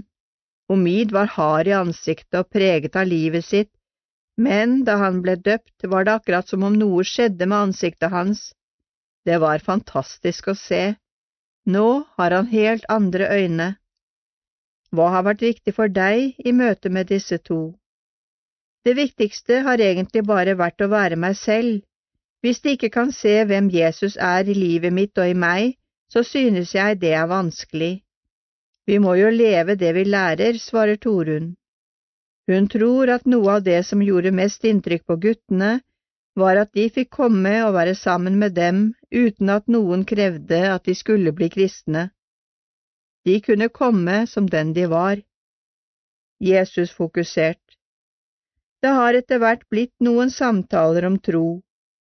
Selv om de ikke trodde på Jesus, kunne jeg si jeg skal be for deg. Jeg snakket egentlig lite om Gud, men mye om Jesus, for de har jo også en Gud. Det har for meg vært et bevisst og naturlig valg. Snakket dere noe om hva det innebar å begynne å tro på Jesus? De kjente jo etter hvert på at det å ta imot Jesus kunne koste mye. Vi nordmenn kan jo fort lure på hvorfor konvertitter ikke forteller åpent om troen sin, andre må jo få høre om det. Men det kan ha store konsekvenser for flere av dem, påpeker Torunn. Det er ikke bare enkelt. Sønner fra det fjerne For Torunn er det viktig å ha menigheten i ryggen. Hadde jeg ikke hatt menigheten, hadde jeg ikke gjort dette. Jeg vet at uansett hva jeg møter, har jeg noen i menigheten å spille på. Vi hadde ikke klart å stå alene med det, og hvor skal de møte Jesus? De kan selvfølgelig møte han gjennom oss, men det er viktig å komme til gudstjeneste og bli en del av familien. Torunn angrer ikke et sekund på engasjementet sitt for både Omid og de andre. De har blitt en del av familien, og selv føler hun at livet har blitt beriket i møte med de mange kulturer hun etter hvert har blitt kjent med gjennom sine venner fra mange land. Det har blitt en del mennesker rundt oss med annen tro. Mange kristne føler seg kanskje utrygge og usikre på å ta kontakt med disse menneskene, ofte en muslim eller en tidligere muslim. Har du noen gode råd å gi? Vær god mot dem, elsk dem, tenk at du selv er flyktning og ikke kjente noen i byen. Hva skulle du ønske at du ble møtt med? Vi er egentlig ganske like alle når det gjelder disse tingene. Vær deg selv som den du er, oppfordrer hun. For 20 år siden fikk Torunn et ord fra Jesaja. Nå har hun oppdaget hva det betydde. Familien er utvidet med sønner og døtre fra fjerne strøk, og det synes både hun og ektemannen er en berikelse. Kulturelt krevende å konvertere Det er kulturelt krevende å gå fra en tro til en annen, sier Janet Diss Seierstad. Hun etterlyser flere som vil inkludere nye troende i hverdagsliv og menighetsliv. Tekst Birgit Nashton Lopaki, Kristin V. Malmin. Foto Kristin W. Malmin. Janet Diss Seierstad er flerkulturell konsulent i Norsk Luthersk Misjonssamband, NLM. Der jobber hun med internasjonale kristne som kommer til Norge, noen få som er konvertitter, samt noen som kan være på vei til å bli troende. Janet forteller at hun finner stor glede i å bidra til å nå unådde folkegrupper i Norge, mennesker som har kommet hit fra andre land som ikke har hørt evangeliet. Men ofte erfarer hun hvor krevende det kan være for en person å gå fra en tro til en annen. Det er krevende å få de nye kristne til å oppleve at de er en del av Guds familie, og det handler mye om kultur. Guds familie ser helt annerledes ut i Afrika eller USA sammenlignet med Norge, påpeker hun. Selv innvandrer. Selv er Janet innvandrer fra USA, og bakgrunnen for hennes flerkulturelle engasjement har hun blant annet fra Forsvaret. Jeg jobbet i det amerikanske forsvaret og var noen ganger plassert i muslimske land. Der opplevde jeg hvordan man levde under utrygge forhold og krig, uten politi eller regjering. De hadde ingen rettigheter. Det er erfaringer jeg tar med meg inn i denne jobben. I tillegg kan jeg som innvandrer selv oppleve en følelse av manglende tilhørighet. Selv om jeg er hvit og gift med en nordmann, kjenner jeg også på å stå i en spagat mellom ulike kulturer. Hvordan kan kristne møte mennesker fra for eksempel islam som vi merker begynner å interessere seg for Jesus og kristen tro? Det er viktig å huske at vi lett tenker at tro er privat, og bare en brøkdel av alt annet liv. Men i islam henger tro og det andre sammen, det er en måte å se livet på og en måte å leve på. Å forlate islam betyr at du forandrer alt. Janet forteller om en episode fra Ungarn da hun jobbet for det amerikanske forsvaret der. Hun opplevde at mange ungarere lengtet tilbake til kommunisttiden. Janet spurte hvorfor det var slik. Svaret var at da hadde alle mat og jobb. Men hva er feil med demokrati, spurte hun, for de snakket stygt om demokrati. Da ramset de opp pornografi, prostitusjon og gambling, som jo ikke har noe med demokrati å gjøre, men som de opplevde var en del av pakken de fikk med demokratiet. Muslimer har en lignende bilde av kristendom. Disse tingene følger med kristendomspakken for mange muslimer. Konvertitter kan fortelle om at det var først da de ble kjent med nordmenn at de forsto at ikke alle i Norge er Jesus-troende. Så hvordan skal vi følge opp, fortsetter Janet. Hvordan skal vi møte dem som søker Jesus og som trenger oppfølging, vandre sammen med dem, oppdage Jesus sammen med dem? Og hvordan ta dem derfra til kirka? Det er svært krevende. Er vi dårlige til personlig oppfølging? Noe av utfordringen er at det ikke er så mange som brenner for dette med oppfølging. Det eneste du trenger å gjøre er å ha et hjerte for å gå sammen med en slik søkende person. Men det er komplisert. Vi tar dem ut av en totalomfattende kontekst, og vi klarer ikke stille opp som en Guds familie som vi kan lese om i Bibelen. På verdensbasis går rundt 80 prosent tilbake til sin gamle tro. Var de da ikke ekte troende? Eller elsker de fremdeles Jesus, men opplever at i stefamilien, der er det altfor mye kultur de må svelge sammen med troen på Jesus. Messiansk muslim Janet trekker en parallell til de messianske jødene som har blitt Jesus-troende, men som beholder en del av sin jødiske kultur. Det er noe vi aksepterer. Går det an å bli en messiansk muslim? Det er akkurat som vi er mer opptatt av at de som konverterer må bli lik oss, at de må bli kvitt kulturen sin. Men hva slags kultur er det i himmelen, og hva slags kultur er det i Guds rike her på jorden? Janet tror at mangelen på kristne som vil følge opp søkende mennesker, ofte handler om både fordommer og usikkerhet. Men det er også en del som er ivrige og begynner som medvandrer, møter utfordringer, og så står de ikke i gode nok nettverk der de kan si Nå har det virkelig skjært seg, hva skal jeg gjøre? Det handler om å ha noen å snakke med om utfordringene man møter underveis, noen å be sammen med, noen å være ærlig med, og få mot til å stå i det. Vi fokuserer på å danne nettverk der vi lærer av hverandre. Vi danner grupper av tre–fire personer som møtes, leser en bibeltekst og ber, og etter det deler vi utfordringer. Om jeg møter nye utfordringer, kan jeg vite at dette klarer jeg, fordi andre har vært igjennom noe lignende. For Janet handler det å jobbe med konvertitter om å hjelpe dem i den konteksten de står i. Det handler om å lytte, lytte, lytte. Hvordan ser verden ut fra deres ståsted? Det krevende er at vi er hvite og gjerne vil at de skal bli som oss, med hus og hjem og utdanning. Vandrer sammen. Janet har flere hun vandrer sammen med, blant annet en som er ganske ny i troen. Når vi er medvandrere for hverandre, da går vi sammen med Jesus med det mål å bli bedre kjent med Jesus. Vi vandrer sammen og deler livserfaringer.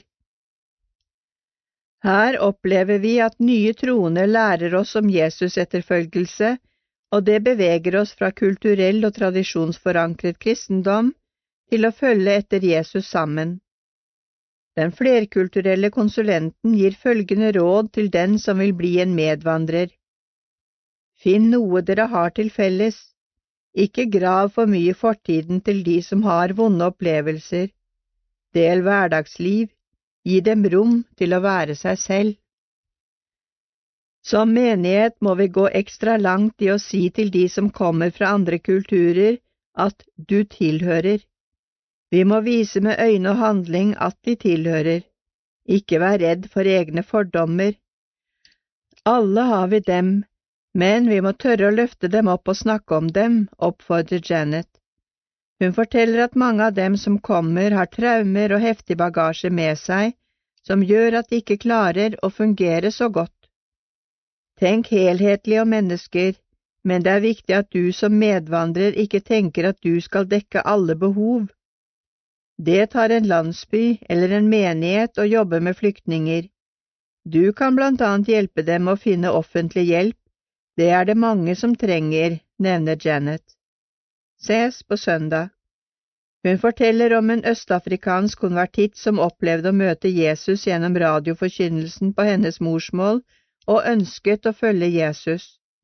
Hun hadde ingen peiling på kirker, visste ikke hvordan hun skulle komme seg til en kirke, eller hvordan hun skulle te seg. Hun møtte noen som var på vei til en kirke, og spurte om å få slå følge med dem. da gudstjenesten og kirkekaffen var slutt, sa de hun hadde slått følge med og som var naboer, så hyggelig dette var, vi håper du kommer neste søndag. Hun fikk sjokk, hva skulle hun gjøre mandag, tirsdag, onsdag? Hun hadde jo tatt en tydelig avskjed med islam og var helt alene i sin tro lokalt. Vi må være varsomme med å tenke at noen fra en annen religion og kultur kan forbli kristne om vi bare har noen timer hver søndag til rådighet, påpeker Janet og viser til Efeserne 2, vers 18–20, om å være Guds familie. Målet er at vi alle er Guds familie, Jesus er hjørnesteinen, og vi tilhører Han.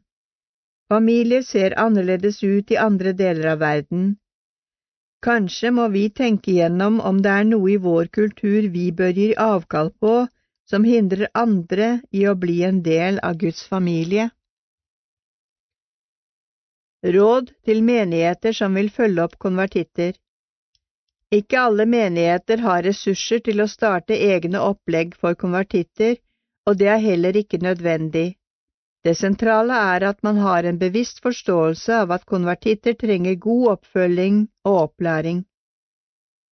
La noen erfarne kristne jevnlig lese Bibelen sammen med konvertitten og lære han henne selv å lese den. Hjelp konvertitten til å stille spørsmål til teksten og reflektere over anvendelse i eget liv. Inkluder i aktiviteter som finnes i menigheten, og legg vekt på at vedkommende skal delta i tjenestefellesskapet og i det sosiale fellesskapet. La konvertitten bli en del av et mindre fellesskap for å bli bedre kjent med andre kristne. Mange konvertitter opplever at de mister hele eller deler av sitt sosiale nettverk. Menigheter må være bevisst på at de, som fellesskap, er kalt til å bli en del av konvertittens nye nettverk og familie i troen. Les mer på kristenkonvertitt.no.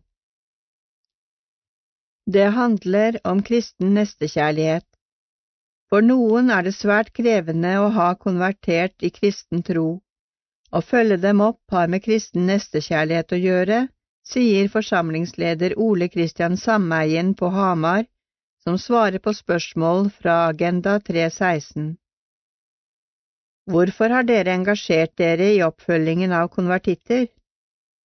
Det har med kristen nestekjærlighet å gjøre. For noen er det svært krevende å ha konvertert til kristen tro. Vi har noen iblant oss som ikke har fått asyl i Norge, på tross av at de både er kristne og aktive i menigheten. Når de fortsatt risikerer å bli returnert til regimer som forfølger kristne, og de kjenner på frykten for dette, må vi ta dem på alvor. Jeg har vært tydelig på at vi også skal se på våre medlemmer som fortsatt er asylsøkere, som likeverdige med andre i fellesskapet. Det betyr at vi stiller opp for dem slik vi ville ha gjort for andre som trenger hjelp og omsorg. Jesus sier tydelig at det vi gjør eller ikke gjør for disse, det gjør vi eller lar vi være å gjøre for Jesus. Det er for meg et alvorlig bakteppe for hvordan vi behandler folk i våre menigheter. Hvordan møter dere som menighet mennesker med en annen trosbakgrunn som dere etter hvert ser er nysgjerrige på Jesus og kristen tro? Vi er opptatt av at alle skal føle seg velkommen i fellesskapet vårt, uansett hvilken trosbakgrunn de har. Er det folk som vil vite mer om den kristne tro, ønsker vi at de skal få tid og rom til å være søkende, samtidig som det kan bygges gode relasjoner der tro og tvil blir en naturlig del av samtalene. Forkynnelsen er en sentral del av trosformidlingen som skjer hos oss, derfor er det viktig også å invitere folk til gudstjenestene våre, der det også er oversettelse til engelsk for de som ikke forstår norsk. Hvilke utfordringer har dere møtt på i oppfølging av søkende fra andre religioner? Språk er alltid en utfordring i kommunikasjon, men der det er vennskap i bunn, er det også tålmodighet til å være i prosessene, selv om det tar tid. Vennskap forutsetter også gjestfrihet, at folk blir inkludert inn i vennefellesskapene. Det er ikke alltid lett for oss nordmenn å slippe folk tilstrekkelig inn på livet. Hva er viktig å tenke på i oppfølgingen av nye troende fra en annen tro som for eksempel islam? Hva krever det av dere som menighet? For folk med muslimsk bakgrunn er det å etablere en god vennskapsrelasjon avgjørende fordi en konvertering ofte innebærer avvisning fra egen familie og behov for en ny. Her har vi fortsatt en lang vei å gå. Vi ser noen er flinke til å invitere folk hjem, mens andre synes det er utfordrende. Som menighet handler det om bevisstgjøring og det å ta små steg for å legge til rette for gode møtepunkt. Vi har blant annet en ukentlig språkkafé som er et tilbud til folk som trenger å øve seg på å snakke norsk. Men ut fra denne tjenesten kan det oppstå gode vennskap som igjen kan lede inn i det kristne fellesskapet. Hva tenker du er den største utfordringen norske menigheter og forsamlinger og norske kristne har i møte med nye troende fra andre religioner. Fremmedfrykt tror jeg fortsatt er en stor utfordring for mange kristne i Norge. Når Paulus formaner kristne til å legge vind på gjestfrihet, sier han egentlig at vi skal elske den fremmede. Her tror jeg det trengs en bevisstgjøring som fører til at vi blir flinkere til å møte og inkludere de som kommer til oss så er det også viktig at vi greier å kommunisere evangeliet, det som til syvende og sist kan skape tro i oss mennesker, sier Ole Christian Sameien. Synspunktet Hvorfor boikotte? Av Christian Øgård, daglig leder i Akta, barn og unge i Nordmisjon. Byrådet i Oslo ønsker å boikotte israelske varer produsert på Vestbredden. Selv om byrådet fremholder at boikotten gjelder varer produsert i alle områder okkupert i strid med folkeretten, skinner det tydelig gjennom at det er varer produsert på Vestbredden som er i fokus.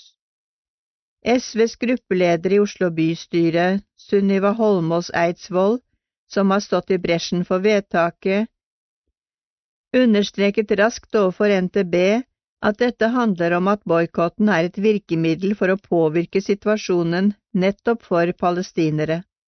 Det er gode grunner til å komme med skarp kritikk av den israelske politikken når det kommer til okkupasjonen av og bosetninger på Vestbredden. Palestinere blir fratatt landområder, får sin bevegelsesfrihet sterkt innskrenket og opplever, som en konsekvens, at framtidsutsiktene blir dystrere. Det bidrar ikke til fred i regionen.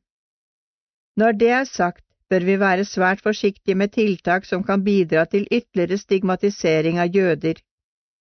De siste årene har antallet antisemittiske handlinger økt kraftig på verdensbasis.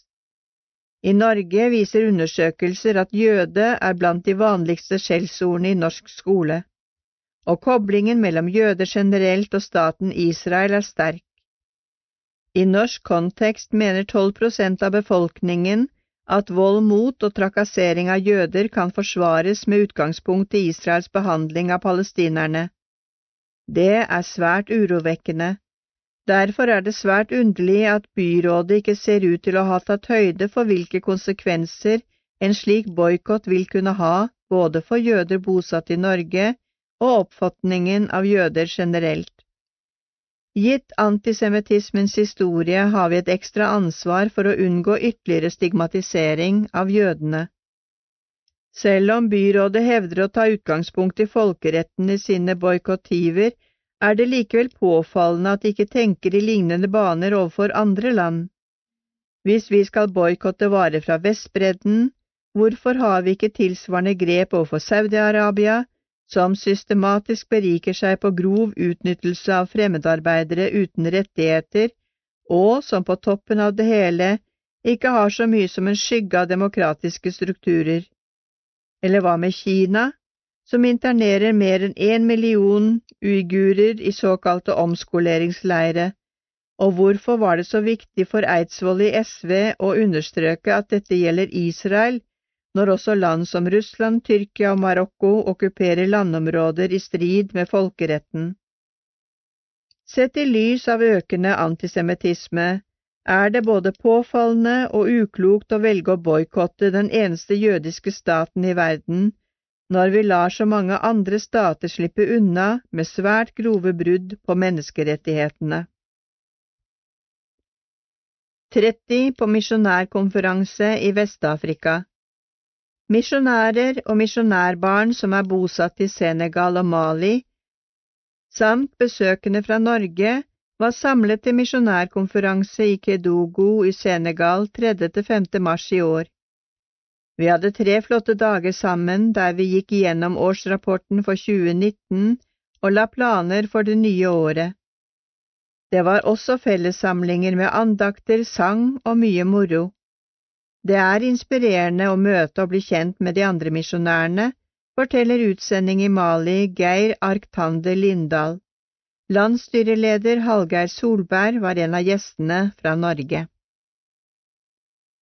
Sommer med Nordmisjon i sør og nord.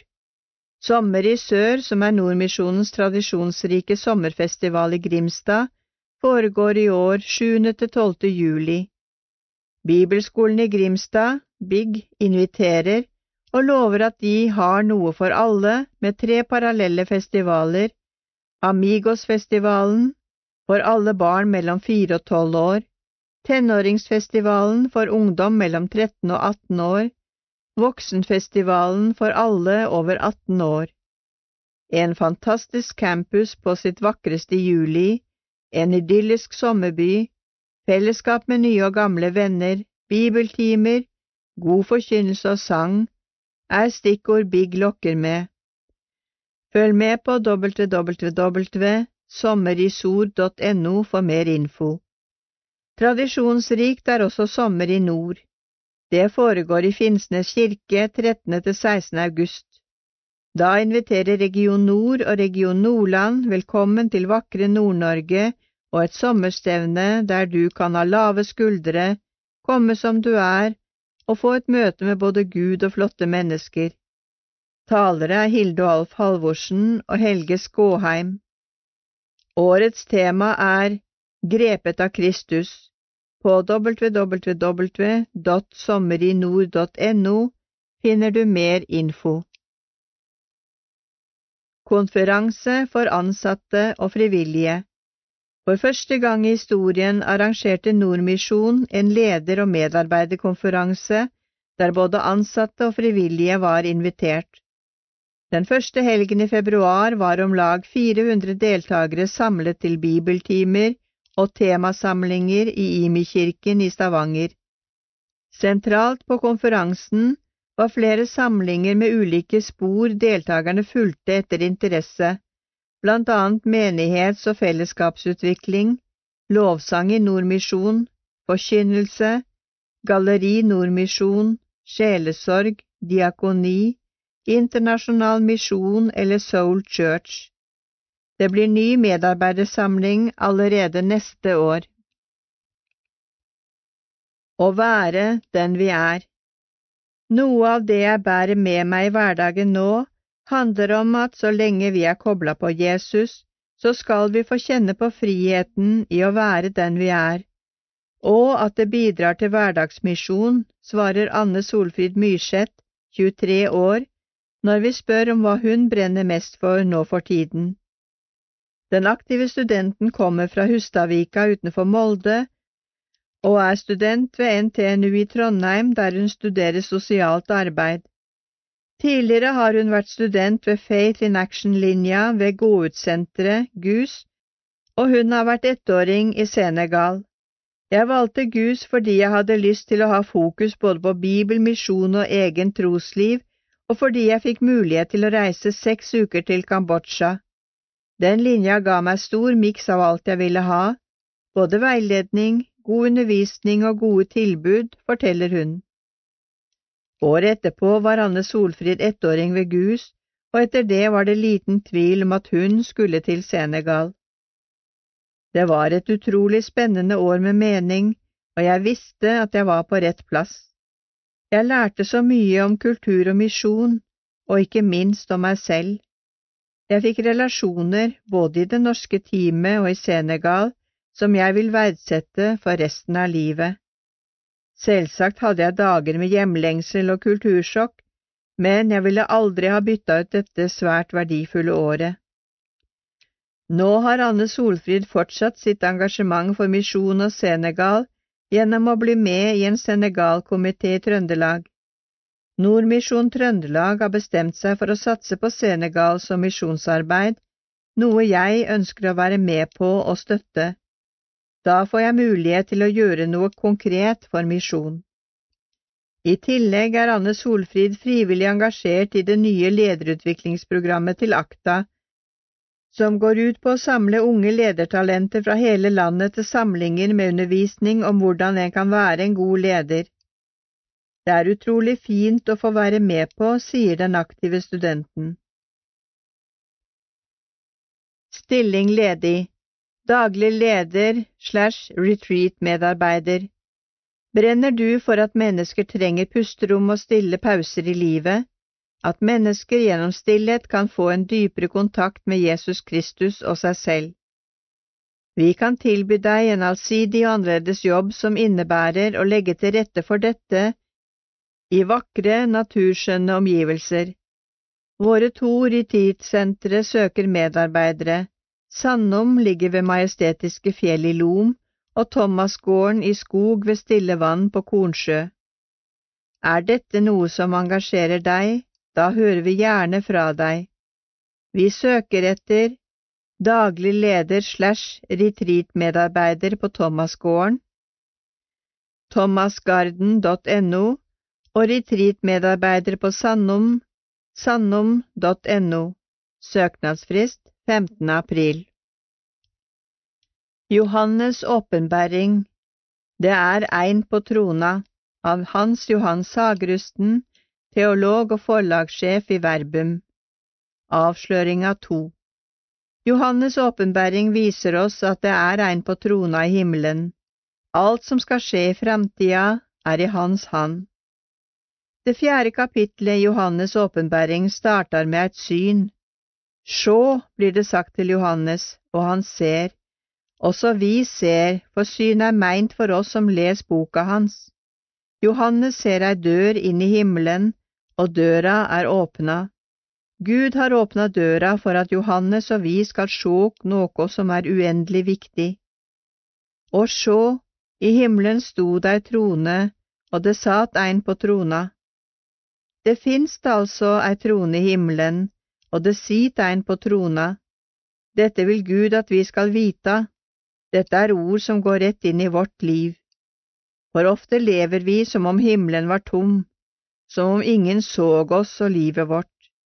Dette er sjølve ursynda i livet vårt, sier Jesus. Synda er at de ikke trur på meg. Men når det nå finst ei trone i himmelen, og det sit ein på trona, da endrar alt seg. Da har vi ein som ser oss, da har vi ein å venne oss til, same hva vi møter i livet. Han som sitter på trona, er sentrum for all tilbeding, pris og ære, både i himmelen og på jorda.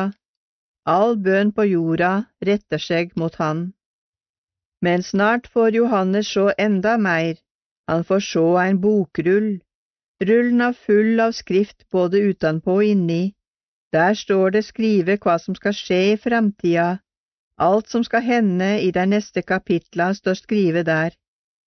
Denne bokrullen er i Guds hand, eller sagt med andre ord, framtidsboka er i Guds hand. Dette gjelder til alle tider. Samme hva som hender, ligger framtida vår i Guds hand.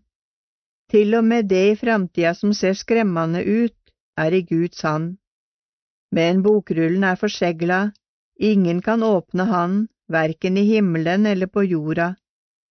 Johannes gret fordi han ikke kan få se i framtidsboka, og tårene hans er tårene våre. Også vi tenker med uro og redsle på framtida. Da går det plutselig et rop gjennom himmelen. Det finst ein som kan åpne boka med dei sju segla. For det er ein som har sigra, skriver Johannes. Det finst ein som har sigra over døden. Framtidsboka skal nå gjevast over i handa hans. Løva av judastammen, Davids rotskåt, har sigra og kan åpne boka med dei sju segla. Johannes' åpenbaring, kapittel 5, vers 5. Løva er et mektig dyr, derfor venter vi å se en som har knust all motstand, en som triumferer og er uten skade. Men hva er det vi ser? Hvordan er det Gud åpenbærer løva av Juda for oss? Lat oss prøve å se for oss synet som Johannes ser. Og jeg så et lam, og det så ut som lammet var slakta. Johannes' åpenbaring, kapittel 5, vers 6. Det er ikke ei sterk løve som stiger fram for Guds trone, men et lite lam. Lam er kanskje det mest sårbare dyret vi kan tenke oss. Slik er det Gud presenterer sin egen sønn for oss, ikke som mektig og sterk, men som sårbar. Guds løve er et lam, og ikke bare det, lammet ser ut som det er slakta. Hva slags triumf er det lammet har vunnet? Hvordan kan det være slakta og samtidig ha sigra? Svaret finner vi ikke bare i Bibelen, men i all stor litteratur som er inspirert av den store, gamle boka. Det er bare den edleste av alle sigrer som ser slik ut. Det er den sigeren en har vunnet ved å ofre seg for den en elsker. I di verd har jeg et annet navn som du kjenner meg ved. Det sier løva Aslan i bøkene om Narnia og C.S. Lewis. Aslan som dør og blir levende igjen, er et bilde på Jesus. Han er ei gjenfortelling av den kjærleiken vi ser i lammet som er slakta, men har sigra, og som nå stiger fram for Guds trone. Navnet vi kristne kjenner løva av Judea ved, er Jesus. Det heiter han i alle de fire evangelia, men han har et annet navn her i Johannes' åpenbaring. Navnet hans bærer i seg det store offeret han har gjort for deg han elsker. Dette navnet synger vi, dette navnet elsker vi, derfor er lovsangen til Jesus slik i himmelen. Verdig er lammet som vart slakta, verdig til å få all makt og rikdom, visdom og styrke, ære og pris og takk. Johannes' åpenbaring 5, vers 12 Synet av lammet som ofrer seg for vår skyld, er det viktigste vi kan se i livet, når vi har sett hvem lammet er, kan vi trygt gå videre til synene i resten av Johannes' åpenbaring. Ingenting kan skremme oss når vi er sammen med Han som har sigra. Portrettet åpner kirkens dører for verden. Erik Hillestad Erik Hillestad minnes vanntette skott mellom kirken og såkalt verdslig kultur for 50 år siden. De barrierene ønsker vi å bryte, slik at følelseslivet, som for oss var knyttet til ungdomskulturen, fikk henge sammen med troslivet, sier gründeren og lederen for Kirkelig kulturverksted. Tekst og foto Per Arne Gjerdi. Veien inn til intervjuavtale med Erik Hillestad går gjennom døren til det som en gang var sakristi i kirken fra 1880 ved Akerselva i Oslo. Her, i Kulturkirken Jakob, har han og Kirkelig kulturverksted holdt til i 20 år. Men først ned en vindeltrapp til kjelleren finner vi han ved en kontorpult. Hillestad foreslår at vi går helt opp, nærmere bestemt til tårnrommet. Det er høyt under taket, to stoler midt på gulvet, Hillestad slår seg ned i den ene. På veggen bak han henger en stor urskive uten visere. Da passer det å skru tiden tilbake, til tidlig femtitall, før Erik Hillestad begynte på skolen. Allerede den gangen var han omgitt av kirkeliv, salmer og forkynnelse. Hans far, Olaf Hillestad, var prest og salmedikter, men også morfaren, Frikirkeforstander Sigvart Engeseth skrev salmer og åndelige viser. Én ting er å synge salmer i kirken, men det å vokse opp i et miljø der det ble skrevet mye salmer, gjorde at også jeg begynte å skrive en del selv, forteller han. En trygghet i livet. Samtidig representerte faren og morfaren et spenn i oppveksten hans. På den ene siden hadde jeg en folkekirkelig far som var ungdomsprest, opptatt av å fornye ungdomsarbeidet. Han snakket ungdommens språk og var uredd for å bruke nye metoder, forteller Hillestad. På den andre siden hadde jeg min litt mer strenge bestefar. Han tilhørte Frikirken og hadde et helt annet kirkesyn. Hans strenghet gjorde at det var visse ting jeg ikke fikk lov til i barndommen, for eksempel å gå på danseskole. Men, legger han til, både i bestefars familie og i den mer statskirkelige verden som min far og hans foreldre kom fra, fantes et veldig positivt kristendomssyn, med evangeliet som en trygghet i livet. Jesus var alltid der, ikke dømmende, men med en stor favn av nåde. Midt i Beatles-tiden Erik er eldst av fire søsken. Etter å ha bodd i Oslo, der faren var prest i Uranienborg, flyttet familien til Bergen i 1963. Det var midt i Beatles-tiden, og jeg tror ikke noen by i Norge hadde større tetthet av Mercy Beat Band enn Bergen den gangen. Jeg spilte selv trommer i et sånt band, forteller han. Tre år senere vendte de tilbake til Østlandet, nærmere bestemt Asker. Faren ble generalsekretær i Oslo Indremisjon, som nå heter Kirkens Bymisjon. Han startet Forum Experimentale, ble en god venn av Egil Hovland og var mye sammen med kirkemusikere opptatt av liturgisk fornyelse. Denne fornyelsen skjønte også sønnen Erik verdien av. Da han selv startet Kirkelig kulturverksted i 1974, hadde plateselskapet fra første stund som ambisjon å trekke inn både det folkekirkelige, det høykirkelige, bedehuskulturen, avantgarde, jazz og pop. Vi prøvde å være så brede som bare mulig og få med alle disse tingene, sier han. Trommeslager og dirigent. Underveis på den musikalske reisen skal det også nevnes at Hillestad begynte å studere teologi på Universitetet i Oslo, men ga seg etter ett semester. Jeg var så bitt av musikkbasillen på den tiden og drev ungdomskoret Crossing nærmest på heltid, forteller han. Da koret i Asker startet i 1968, var han trommeslager. På begynnelsen av 1970-tallet overtok han som dirigent i tillegg skrev han sanger og arrangerte. Det ble vanskelig å kombinere korarbeidet med den utrolige ørkenvandringen av noen språk man måtte igjennom for å komme inn til selve teologien. Så jeg begynte å studere musikk i stedet. Jeg tror det var lurt. Ideen utviklet seg. Det går en direkte linje fra Crossing til Kirkelig kulturverksted, forklarer han. Historien er for lang til å fortelles her, men begynte med et hus som sto tomt i Asker, og unge kreative idealister i crossing-miljøet som fablet om å lage et kunstsenter der. Det prosjektet ble ikke noe av, men ideen utviklet seg videre med flere på laget. Noen var billedkunstnere, andre teologer eller visesangere. Å realisere Kirkelig kulturverksted, KKV, handlet imidlertid om mye mer enn idealisme og visjoner. Hillestad minnes alle de praktiske, økonomiske og administrative sidene ved det å starte et aksjeselskap, og midt i denne tiden døde faren hans. Han hadde vært en sterk inspirasjonskilde for mange av oss. Det ga ideen om å bruke hans sanger på det første albumet vi laget, Lukk opp kirkens dører.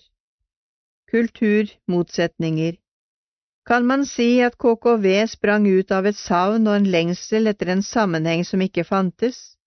Vel, det begynte som en trang til å få estetikken i våre egne liv til å henge sammen med tro og teologi. Vi var vokst opp i en tid med store motsetninger mellom allmennkulturen og kirkekulturen, minnes Hillestad. Kirkekulturen var veldig konserverende, forsiktig, full av angst for å gjøre galt og for det som hadde med kropp og rytmer å gjøre. Det var ganske vanntette skott mellom såkalt verdslig kultur og kirkelig kultur, og vi ønsket å forene disse. Det fikk aldri være på kunstens premisser, så å si. Nemlig, vår livsfølelse og estetikk var Beatles, Stones og Dylan, mens det i kirken var noe helt annet. De barrierene ønsket vi å bryte, slik at følelseslivet, som for oss var knyttet til ungdomskulturen, fikk henge sammen med troslivet, sier Hillestad. Samtidig ønsket vi å vise hva som skjer i kirken til en større verden enn de som befolket kirken til daglig. Fra alteret ut på torget. Vi kom på en måte fra alteret og ville ut på torget for å vise at det som foregår i kirken, angår alle, det var vårt misjonsanliggende. Men etter hvert snudde vi aksen og tenkte at det som er ute på torget og i verden, det har aktualitet også inne i kirken, og i forlengelsen av det begynte vi å invitere til samarbeid med folk som i utgangspunktet ikke hadde noen kirkelig plattform. Et tidlig slikt prosjekt var å invitere Erik Bye og Birgitte Grimstad til å synge Peter Dass-sanger på det som ble albumet En dobbel, Delighted, i 1978. Det var litt uhørt å gjøre, og det forvirret mange. Fra en kristelig platebutikk fikk vi beskjed om at de ikke kunne ta den inn. Slik de kjente til Erik Bye, hadde de vanskelig for å tro at Den hellige ånd kunne virke gjennom han. Folkemusikken Erik Hillestad er gift med Marianne Lystrup. De har fire barn og tre barnebarn. Marianne har vært en inspirasjonskilde og støtte gjennom alle år, sier han, og understreker at samlivet med henne har betydd enormt mye nettopp i kulturarbeidet. At folkemusikken tidlig ble så viktig for Kirkelig kulturverksted, hadde nok ikke skjedd uten henne. Hun var med helt i starten, før hun ble journalist i Vårt Land, og vi fikk barn og det ble vanskelig å kombinere det med et like stort engasjement her, forteller han. Marianne var fra Vinje, Telemark. Hun kjente Sondre Bratland og hadde folkemusikken i blodet og sang selv folketoner. Alt dette fikk meg til å forstå verdien av folkemusikken. Det gjorde også at vi fikk en relasjon til Sondre, som var med å videreutvikle folkemusikken i Kulturverkstedet. Tekstforfatteren Du er ikke bare produsent og kunstnerisk leder, men har også skrevet mange tekster for Sigvart Dagsland, Skruk og en rekke andre. Hvordan blir sangtekstene dine til? Som regel liker jeg at det foreligger en melodi jeg skal skrive en tekst til. Det gjorde det alltid i samarbeidet med Sigvart. Det er akkurat som om jeg da kan hente fram sjela i melodien i form av ord. Så det er blitt min metode, sier Hillestad. Når jeg har skrevet messer, har derimot teksten ofte kommet først, legger han til. Jeg er ikke den type tekstforfatter som bare setter meg og får inspirasjon til å skrive helt ut av løse luften. Det er alltid knyttet til et prosjekt, men det har vært en veldig kjær aktivitet. Når jeg først har et prosjekt og en deadline, setter det mye fint i gang i meg slipper mine fløyter fri. Kore Skrukk ble tidlig med i KKV-stallen. De hadde gjerne sitt repertoar fra New Orleans eller bedehusland og gamle folketoner, så det første Hildestad skrev for Skrukk, var tekstene på Slipp mine fløyter fri som kom i 1990. Initiativet til hele prosjektet kom fra Santalmisjonen, som lenge hadde vært engasjert i Ecuador. Dit reiste Hillestad første gang i 1988 sammen med Skruks dirigent Per Oddvar Hildre, kjent som Protz.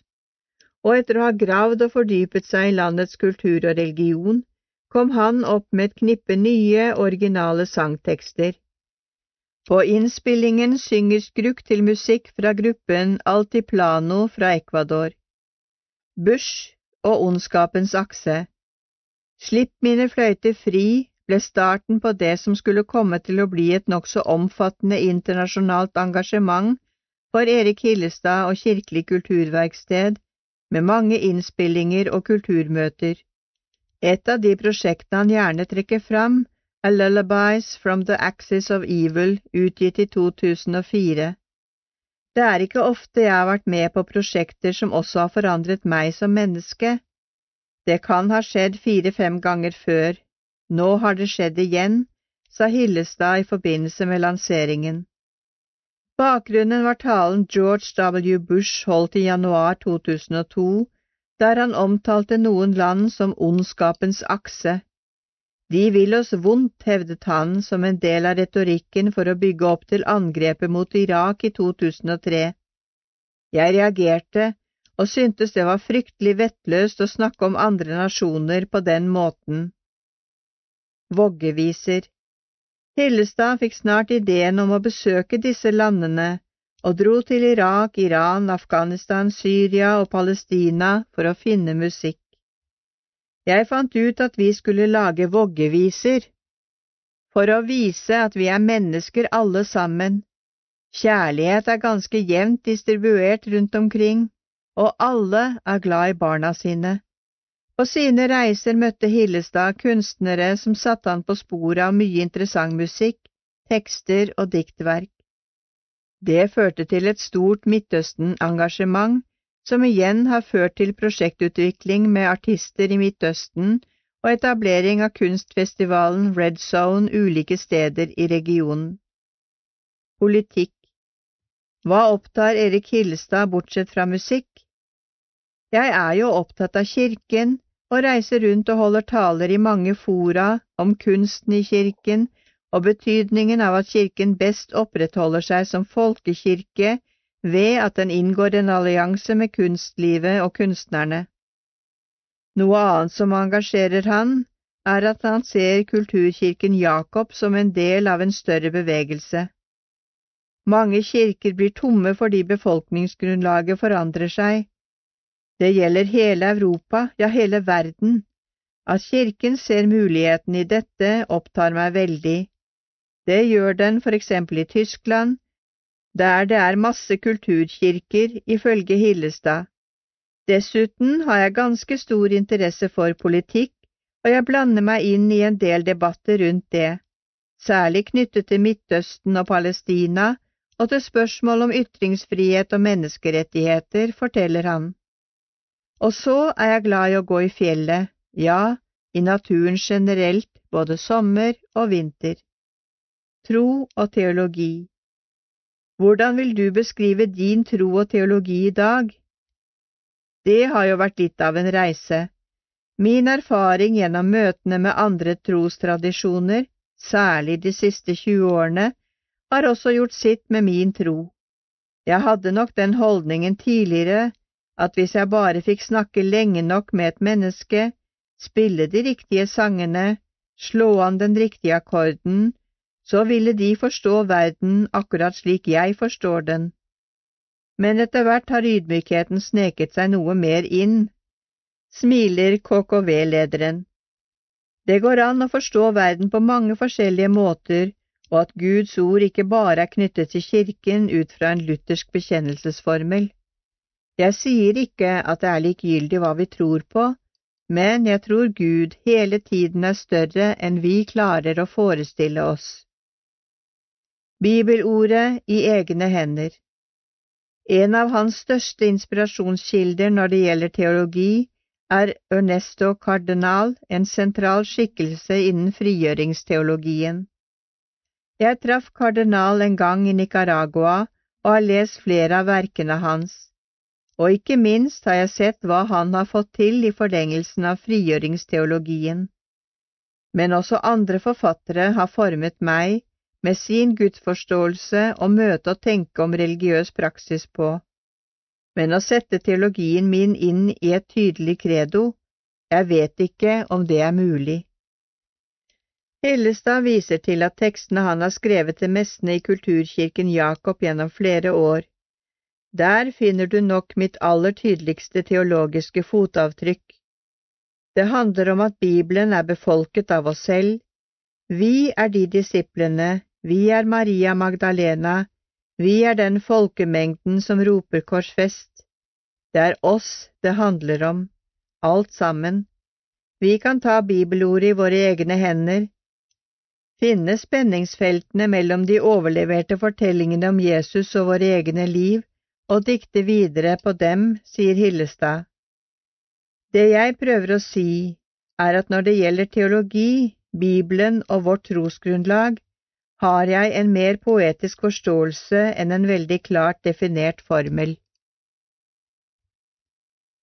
Erik Hillestad, 68 Født i Oslo, oppvokst i Oslo og Bergen, gift med Marianne Lystrup, har fire barn og tre barnebarn.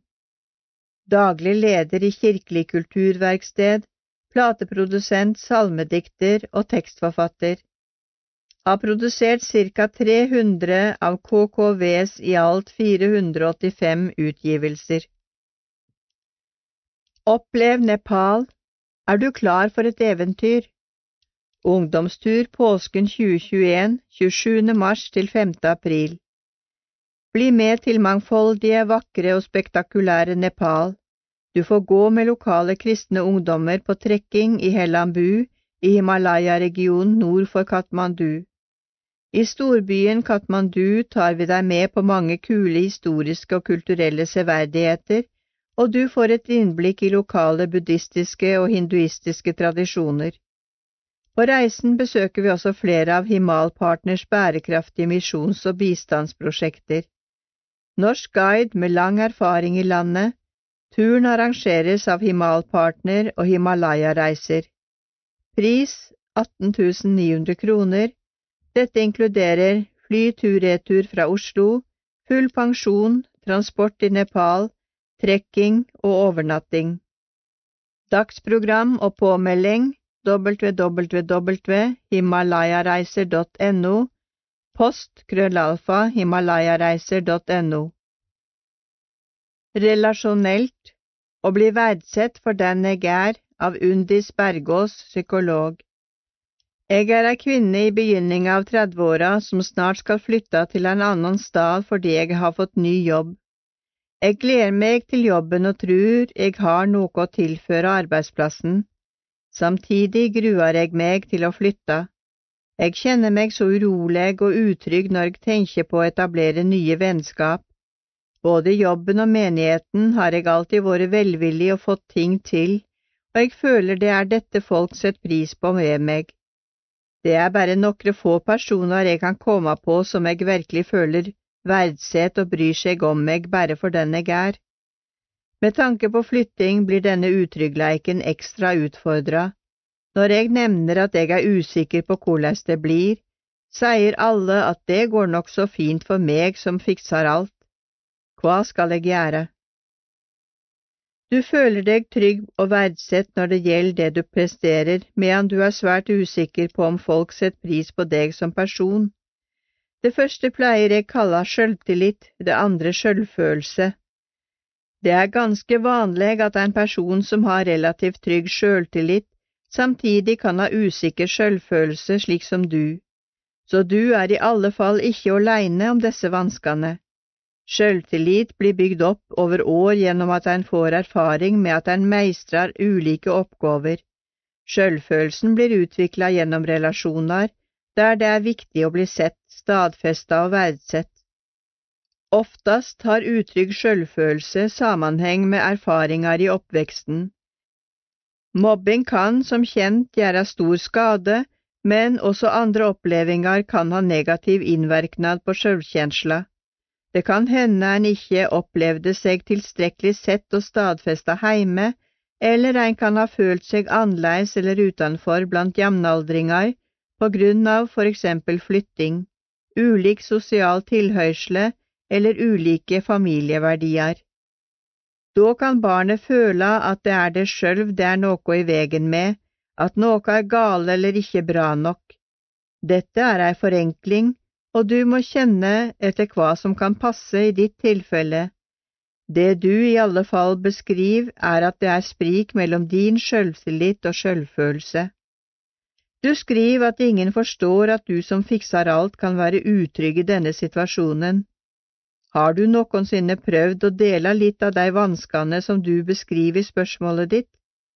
Kanskje du har prøvd å holde folk på avstand for å verne deg, men da blir det ikke lett for folk å bli kjente med deg som person og virkelig få uttrykka at de bryr seg om deg. Kanskje somme opplever deg som så vellykka at de tror at du ikke har rom for deg i din nære vennekrins, fordi de ikke føler seg gode nok. Er ikke det paradoksalt? Du har mange fordeler av at du har jobba for å bli flink, og det trenger du ikke gi opp, men du kan prøve å være mer personlig, også om dine svake sider. Slik sett er ei flytting reine gåvepakka, for da får du begynne med blanke ark. Vel deg ut et par personer på den nye staden som du tror du vil kunne trives sammen med, og prøv gradvis å være litt mer åpen og sårbar enn du pleier. Du vil trulig måtte tåle en del utryggleik og uro, men det må ein som regel for å vekse som menneske. Tenk etter hva du er redd for, hva er risikoen ved å prøve? Det er lurt å begynne med små steg og prøve det ut. Du kan sjølsagt bli skuffa, men om det ikke klaffer første gangen, betyr ikke det at du ikke er verd å bry seg om. Det var noe i den situasjonen som ikke fungerte, det kan du lære av og så prøve på nytt med en annen person. Lykke til med å møte nye mennesker som du kan utvikle gode relasjoner til, der du opplever deg verdsett for den du er. Undis Synger om en tro som tåler alt. Da tvillingsøstrene Ingelin og Hildegunn i fjor dro på turné med Gåten om korset, opplevde de å formidle noe som er større enn dem selv. Nå er prosjektet med Jostein Ørums tekster utgitt på CD, men en planlagt påsketurné må vente til høsten. Tekst Brita Skogly Kraglund Jostein Ørum, tekstforfatteren, er også med sammen med lokale kor, band, korister og teknikere på lyd, lys og bilde. Prosjektet ble til da Ørum kontaktet Stefanusalliansen og presenterte sine ideer. Siden har disse jobbet sammen om prosjektet. Da vi fikk Josteins tekster, fikk vi umiddelbart inspirasjon til å skrive melodier. Det gikk lett, melodiene bare dalte ned i fanget på oss. Det var et utrolig inspirerende prosjekt. Er tvillingene fra Frekhaug enige om? Hva er spesielt med Ørums tekster? Han har nye vinklinger på påskeevangeliet, han lever seg inn i personene som møter Jesus, og han er modig, rå og direkte. Så har han en mer maskulin tekstskriving enn oss, ikke så utbroderende som vi ofte er. Når du skal skrive til en konsert, kan hver sang ha sitt preg, samtidig som vi må tenke helhet og prøve å få fram stemningen i hver sang. Hva tenker dere om samarbeidet med Stefanusalliansen? Gåten om korset var deres initiativ. Vi synes det de jobber for og står for, er viktig, og vi er glade for å få være med og sette fokus på mennesker som forfølges for sin tro. De har satset tid, penger og krefter på å få gjennomføre dette. Vi synes det er modig og progressivt. Stefanusalliansen ser at det å formidle et budskap og en sak gjennom musikk kan være en god måte for musikk kan bevege hjertene og engasjere på et følelsesmessig plan. Vi må legge til at vi har fått full kunstnerisk frihet og integritet. Vi er svært takknemlige for at vi fikk bli med på dette store og meningsfulle prosjektet. Tro som tåler alt. Tekstforfatter Ørum forteller at de har ønsket å ha tre perspektiver i sangene. For det første er de fortellinger om personer som møtte Jesus i hans siste uke, for det andre har de i seg et ekko fra den lidende kirke og de som betaler en pris for å tro på Gud. For det tredje rommer de vår tro og vårt liv i dag, sier han. Hva håper du folk skal sitte igjen med? At Jesus Kristus er en Gud for både langfredag og påskedag og alt imellom, og at akkurat det er en tro som tåler alt, og at kirken i verden er større enn vi trodde. Det finnes mange som har en høy omkostning ved å kalle seg kristen, mener prest og forfatter Jostein Ørum. Intervjuet med Ingelin og Hildegunn finner sted over telefon mens de er på vei til Bergen og promotering i forbindelse med CD-slipp på Gåten om korset. Samtalen glir lett, Ingelin kjører, så Hildegunn snakker mest. De ble født med ni minutters mellomrom for 36 år siden. Barndom og ungdom ble tilbrakt på Frekhaug, på ei øy nord for Bergen. Musikken fikk de inn med morsmelka. Oppvekst med musikk. Mamma og pappa hadde tjeneste med å reise rundt og synge, vi satt ofte i vippestoler på scenen. Da vi var fem år, fikk vår tre år yngre lillesøster Karina leukemi. Hun var syk i mange år. Det førte til at pappa fikk en ny inspirasjon til å skrive om Guds omsorg, forteller Ingelin. Vi hadde et lite musikkanlegg hjemme i stua med mikrofoner. Vi hadde mye musikk inni oss som ville ut. Vi skrev de første enkle sangene med kristent innhold fem år gamle. Bestemor, Haldis Reigstad er lyriker. Hun og bestefar passet oss mye, og det var mye lek med musikk og ord. Det var en viktig del av oppveksten vår. En onkel er dyktig på gitar. Han ble Ingelins gitarlærer. I tillegg gikk vi på kulturskolen, så vi spiller flere instrumenter og synger, forklarer Hildegunn. På niårsdagen ga de ut sin første plate, alle melodiene og mange tekster var selvskrevne. Da de ble tenåringer, opererte de på egen hånd som musikere. Likevel ble det også tid til skolearbeid og gode karakterer. Vurderte dere å gjøre noe annet enn musikk videre i livet? Begge svarer ja. Ingelin tenkte på legeyrket, Hildegunn vurderte å bli lærer. Vi gikk musikklinja på videregående, og selv om vi var interessert i alle fagene, brukte vi mye tid på å opptre og skrive musikk. Det var det vi kunne best. Kjærlighet tok også tid. Ingelin ble kjæreste med Arne Norheim, som hun er gift med allerede som 16-åring. Hun og jeg var jo som et gammelt ektepar, så det føltes som om noen stakk kniver i hjertet mitt da de trakk seg unna. Jeg var stadig femtehjul på vogna, ler Hildegunn.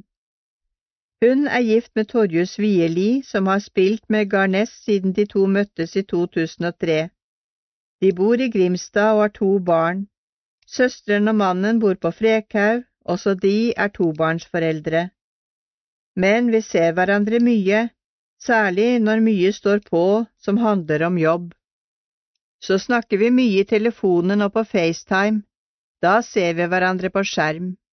Når vi ikke har samarbeidsprosjekter, kan det gå litt lengre tid mellom samtalene. Vi er veldig tette, har et helt unikt bånd som vi ikke tenker over i det daglige. Men vi har også utviklet nye sider etter at vi har bodd fra hverandre. Vi føler at vi utfyller hverandre, sier de. Lokale kor i fjor var koret fra musikklinjen ved Bibelskolen i Grimstad med dem på turné. I år skal de bruke lokale kor, nye hver kveld. Alle korene har vært positive og forventningsfulle. Det skaper et lokalt engasjement. Hvordan opplevde dere konsertene i fjor? Det var spesielt, og det gjorde sterkt inntrykk på folk. Vi hadde opplevelsen av å være med på noe som var større enn oss selv ikke minst fordi vi er et så stort team sammen. Vi kunne slappe av i våre oppgaver, det ga oss ro til å hvile i det som blir formidlet. Gåten om korset formidler påskens budskap. Hele forestillingen peker på Jesus, en får det mer og mer under huden, inn i hjertet. Det er en veldig fred som artist å få formidle noe som er større enn en selv. Dere har holdt mange julekonserter. Er det forskjell på en julekonsert og en påskekonsert? Julesanger er allemannseie. Folk har et sentimentalt forhold til dem. De kan fremstille jula så idyllisk, barn i en stall, hyrder, engler, mener Hildegunn. Ingelin tror det er lettere for den jevne nordmann å nærme seg julebudskapet Påsken og oppstandelsen er kanskje mer krevende å forholde seg til fordi det setter en mer på valg, undrer Ingelin. Dessuten er påskekonserten vår et helt annet konsept, siden alle sangene er nyskrevne og ukjente for publikum. Julekonsertene består av nye og velkjente sanger. Der har vi et publikum som har gått på konserten i mange år. Påskekonsertene er nok lettest å selge inn til kristenfolk. Grunnlag for tro Hva betyr påsken for deg, Hildegunn? Den er grunnlaget for troen og den relasjonen jeg har til den viktige personen i livet, Jesus. Gåten om korset er en fin tittel fordi den rommer et mysterium. Det har så mange lag, Jesus som gir livet sitt for meg, og at han viser sin storhet ved å overgi seg. Ingelin svarer på samme spørsmål. Den rommer hele livet, lidelsen som vi alle er gjennom, det mørke, tunge, døden. Gud er større enn det og seirer. Påsken handler om det og den store gleden ved å ta imot det Jesus gjør. Oppsummert betyr det hvile for meg. Det er fullbrakt, Gud har gjort alt. Hvordan skal dere feire påske i år? Som vanlig blir det en del familietreff. Det betyr blant annet samlinger rundt matbordet med god mat, lovsang, bønn og takk. Vi feirer også nattverd. Pappa er pastor, så da blir det gjerne en god og lang refleksjon også. Da kan vi være opp mot 15 mennesker, små og store. Gåten om korset Garness er en norsk musikkduo som består av tvillingsøstrene Ingelin Reigstad Norheim og Hildegunn Garnes Reigstad. Jostein Ørum er prest i Storsalen i Oslo og forfatter. I mars i år skulle Garness og Ørum ha gjentatt påsketurneen med Gåten om korset i elleve norske byer. På grunn av koronaviruset er turneen utsatt til høsten. 6. mars i år ble Gåten om korset utgitt på CD og er nå også tilgjengelig på Spotify. Dikter i dialog med bibelord Lyrikk hører til sjeldenhetene på kristne forlag. Nå har Verbum utgitt her vi går, en splitter ny diktsamling fra Oskar Stein Bjørlykke. Han debuterte i 1966 og har gjennom sitt lange forfatterskap skrevet både romaner, noveller, dikt, bønnebøker, andagsbøker og barnebøker. I den nye boka utforsker han grenselandet mellom det sansbare og det ubegripelige. Ifølge forlaget, som legger til i en nyskapende form åpner diktet hans en mediterende dialog med enkeltstående bibelsitat. For eksempel lar dikteren bønneordene i Matteus 6 vers 12 og tilgjev oss vår skyld slik vi òg tilgjev våre skyldnarar, etterfølges av linjene. Så stort er billedet her vi segler av stad, vi er i samme båt, eg ser hva eg gjør mot deg, og hva du gjør mot meg, men Gud er havet.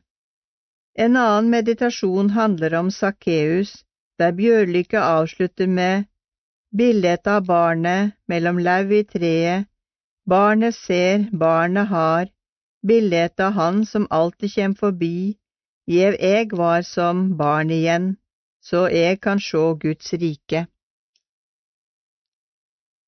Hjelp til å forstå salmetekster Går du i en menighet i Den norske kirke, synger du i løpet av et år mange av salmene i Norsk salmebok.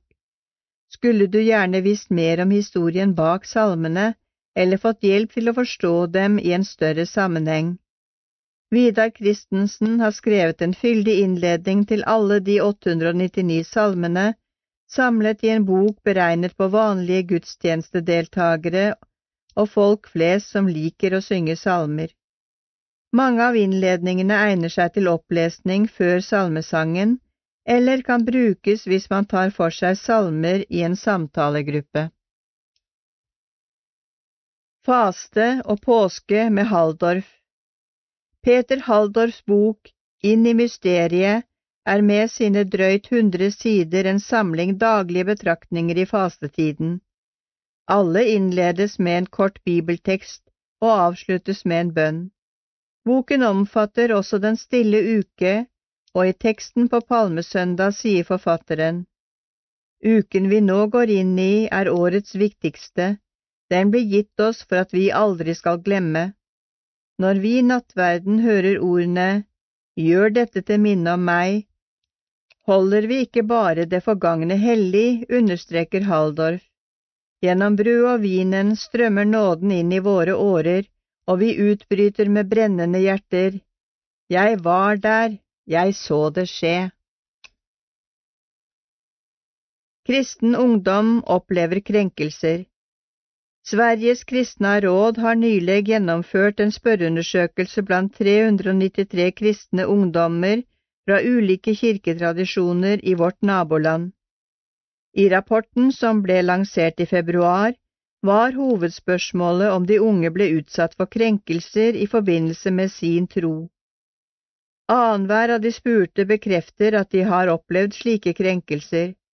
Én av fire har opplevd å bli krenket av læreren sin, oppgir at dette er mest vanlig i forbindelse med skolens naturvitenskapelige fag og i religionsundervisningen. Det gjør at mange unge troende skjuler sin tro, ifølge rapporten, som kan leses på nettstedet skr.org. Andakten av Anne Honnemyr, leder av pastorteamet i Nordmisjon Vennesla. Påskeglede Mange av oss ser fram til å fylle opp påsken med mye fint.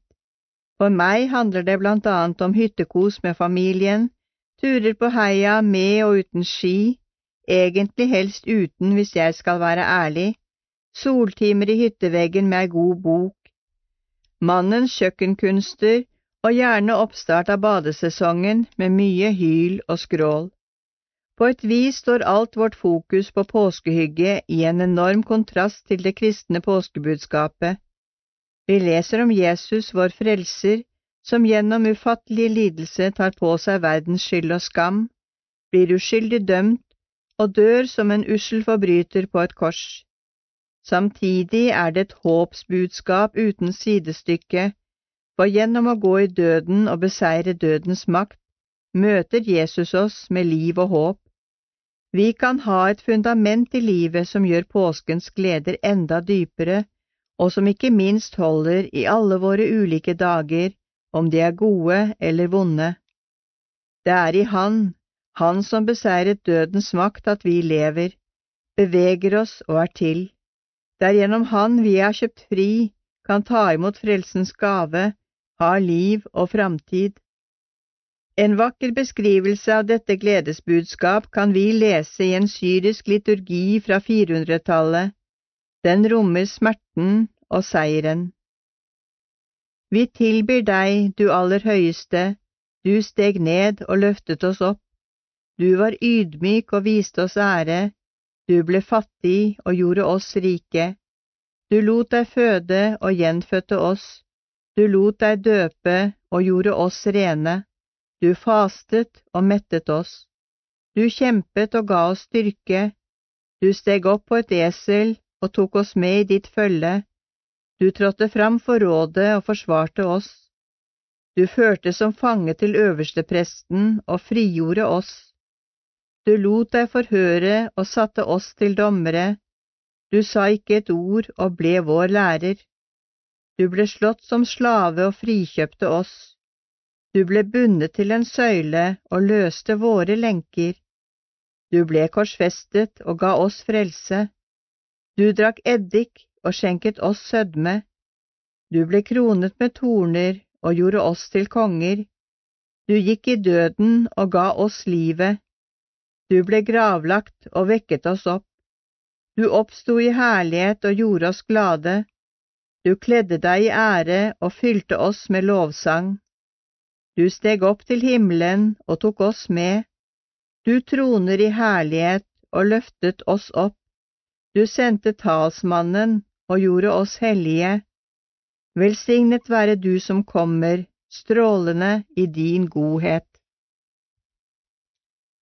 Påskekvisten Quizmaster Trond Sannum Mathisen Italia 1. I hvilken italiensk by befinner spansketrappen seg? 2. Dorothea Wierer, hva er hun kjent for? 3. Hvilke farger har det italienske flagget? 4. Hvilken by ble begravet i aske etter Vesus utbrudd i 79 før Kristus? 5. Hva heter elva som renner gjennom Roma? Tyskland 1. Berlin har flest innbyggere, men hvilken tysk by kommer på andreplass? 2. Hva heter den kjente byporten i Berlin? 3. Hva heter Tysklands høyeste fjell? 4. Hvilken flyplass er Tysklands travleste? 5. Hvem sa Ich bin ein Berliner? Påskemiks 1. Hvor fremføres hvert tiende år verdens mest kjente pasjonsspill? 2. Hvorfor fremføres det? 3. Hvor mange fjellvettregler har vi? 4. Fjellvettreglene kom i 1952, men ble modernisert og revidert en gang etter år 2000. Hvilket år kom den nye versjonen? 5. Hvor er Hangaroa hovedstad?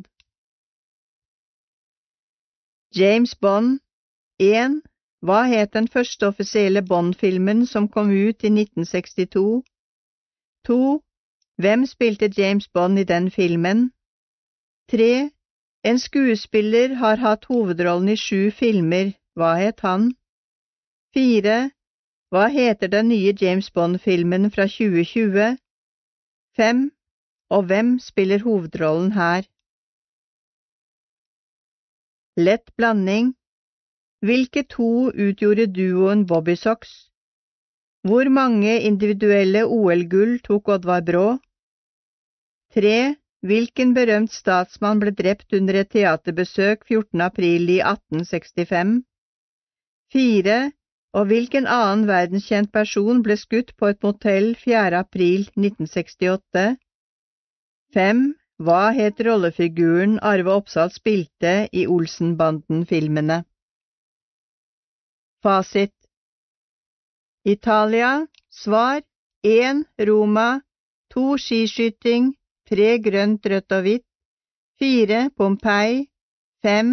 Tiber Tyskland Svar 1. Hamburg 2. Brandenburger Tor 3.